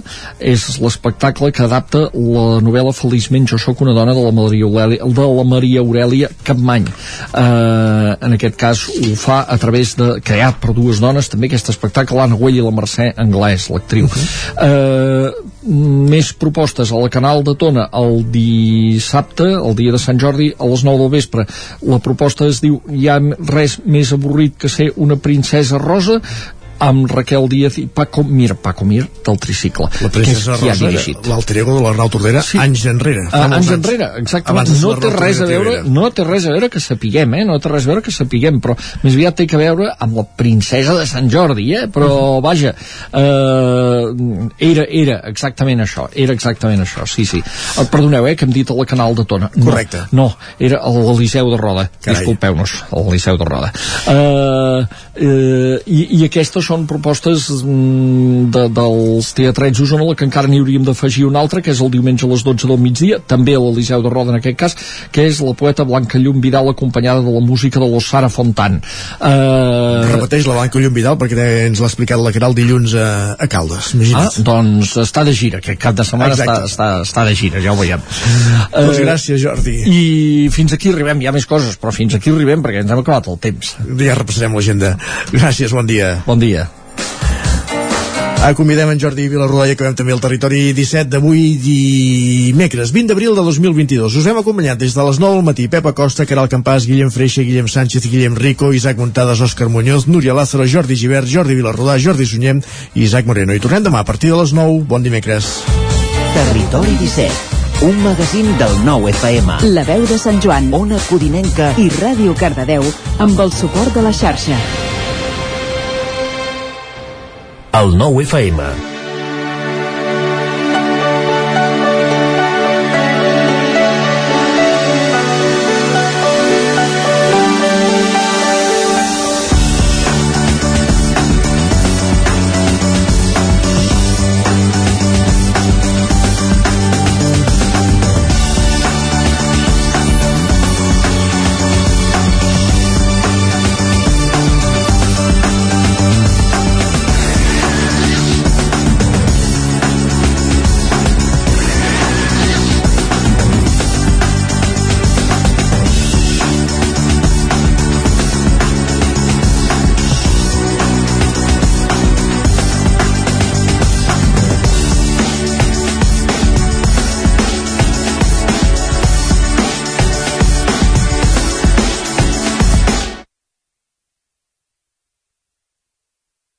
El 9 FM, la ràdio d'Osona. És l'hora del...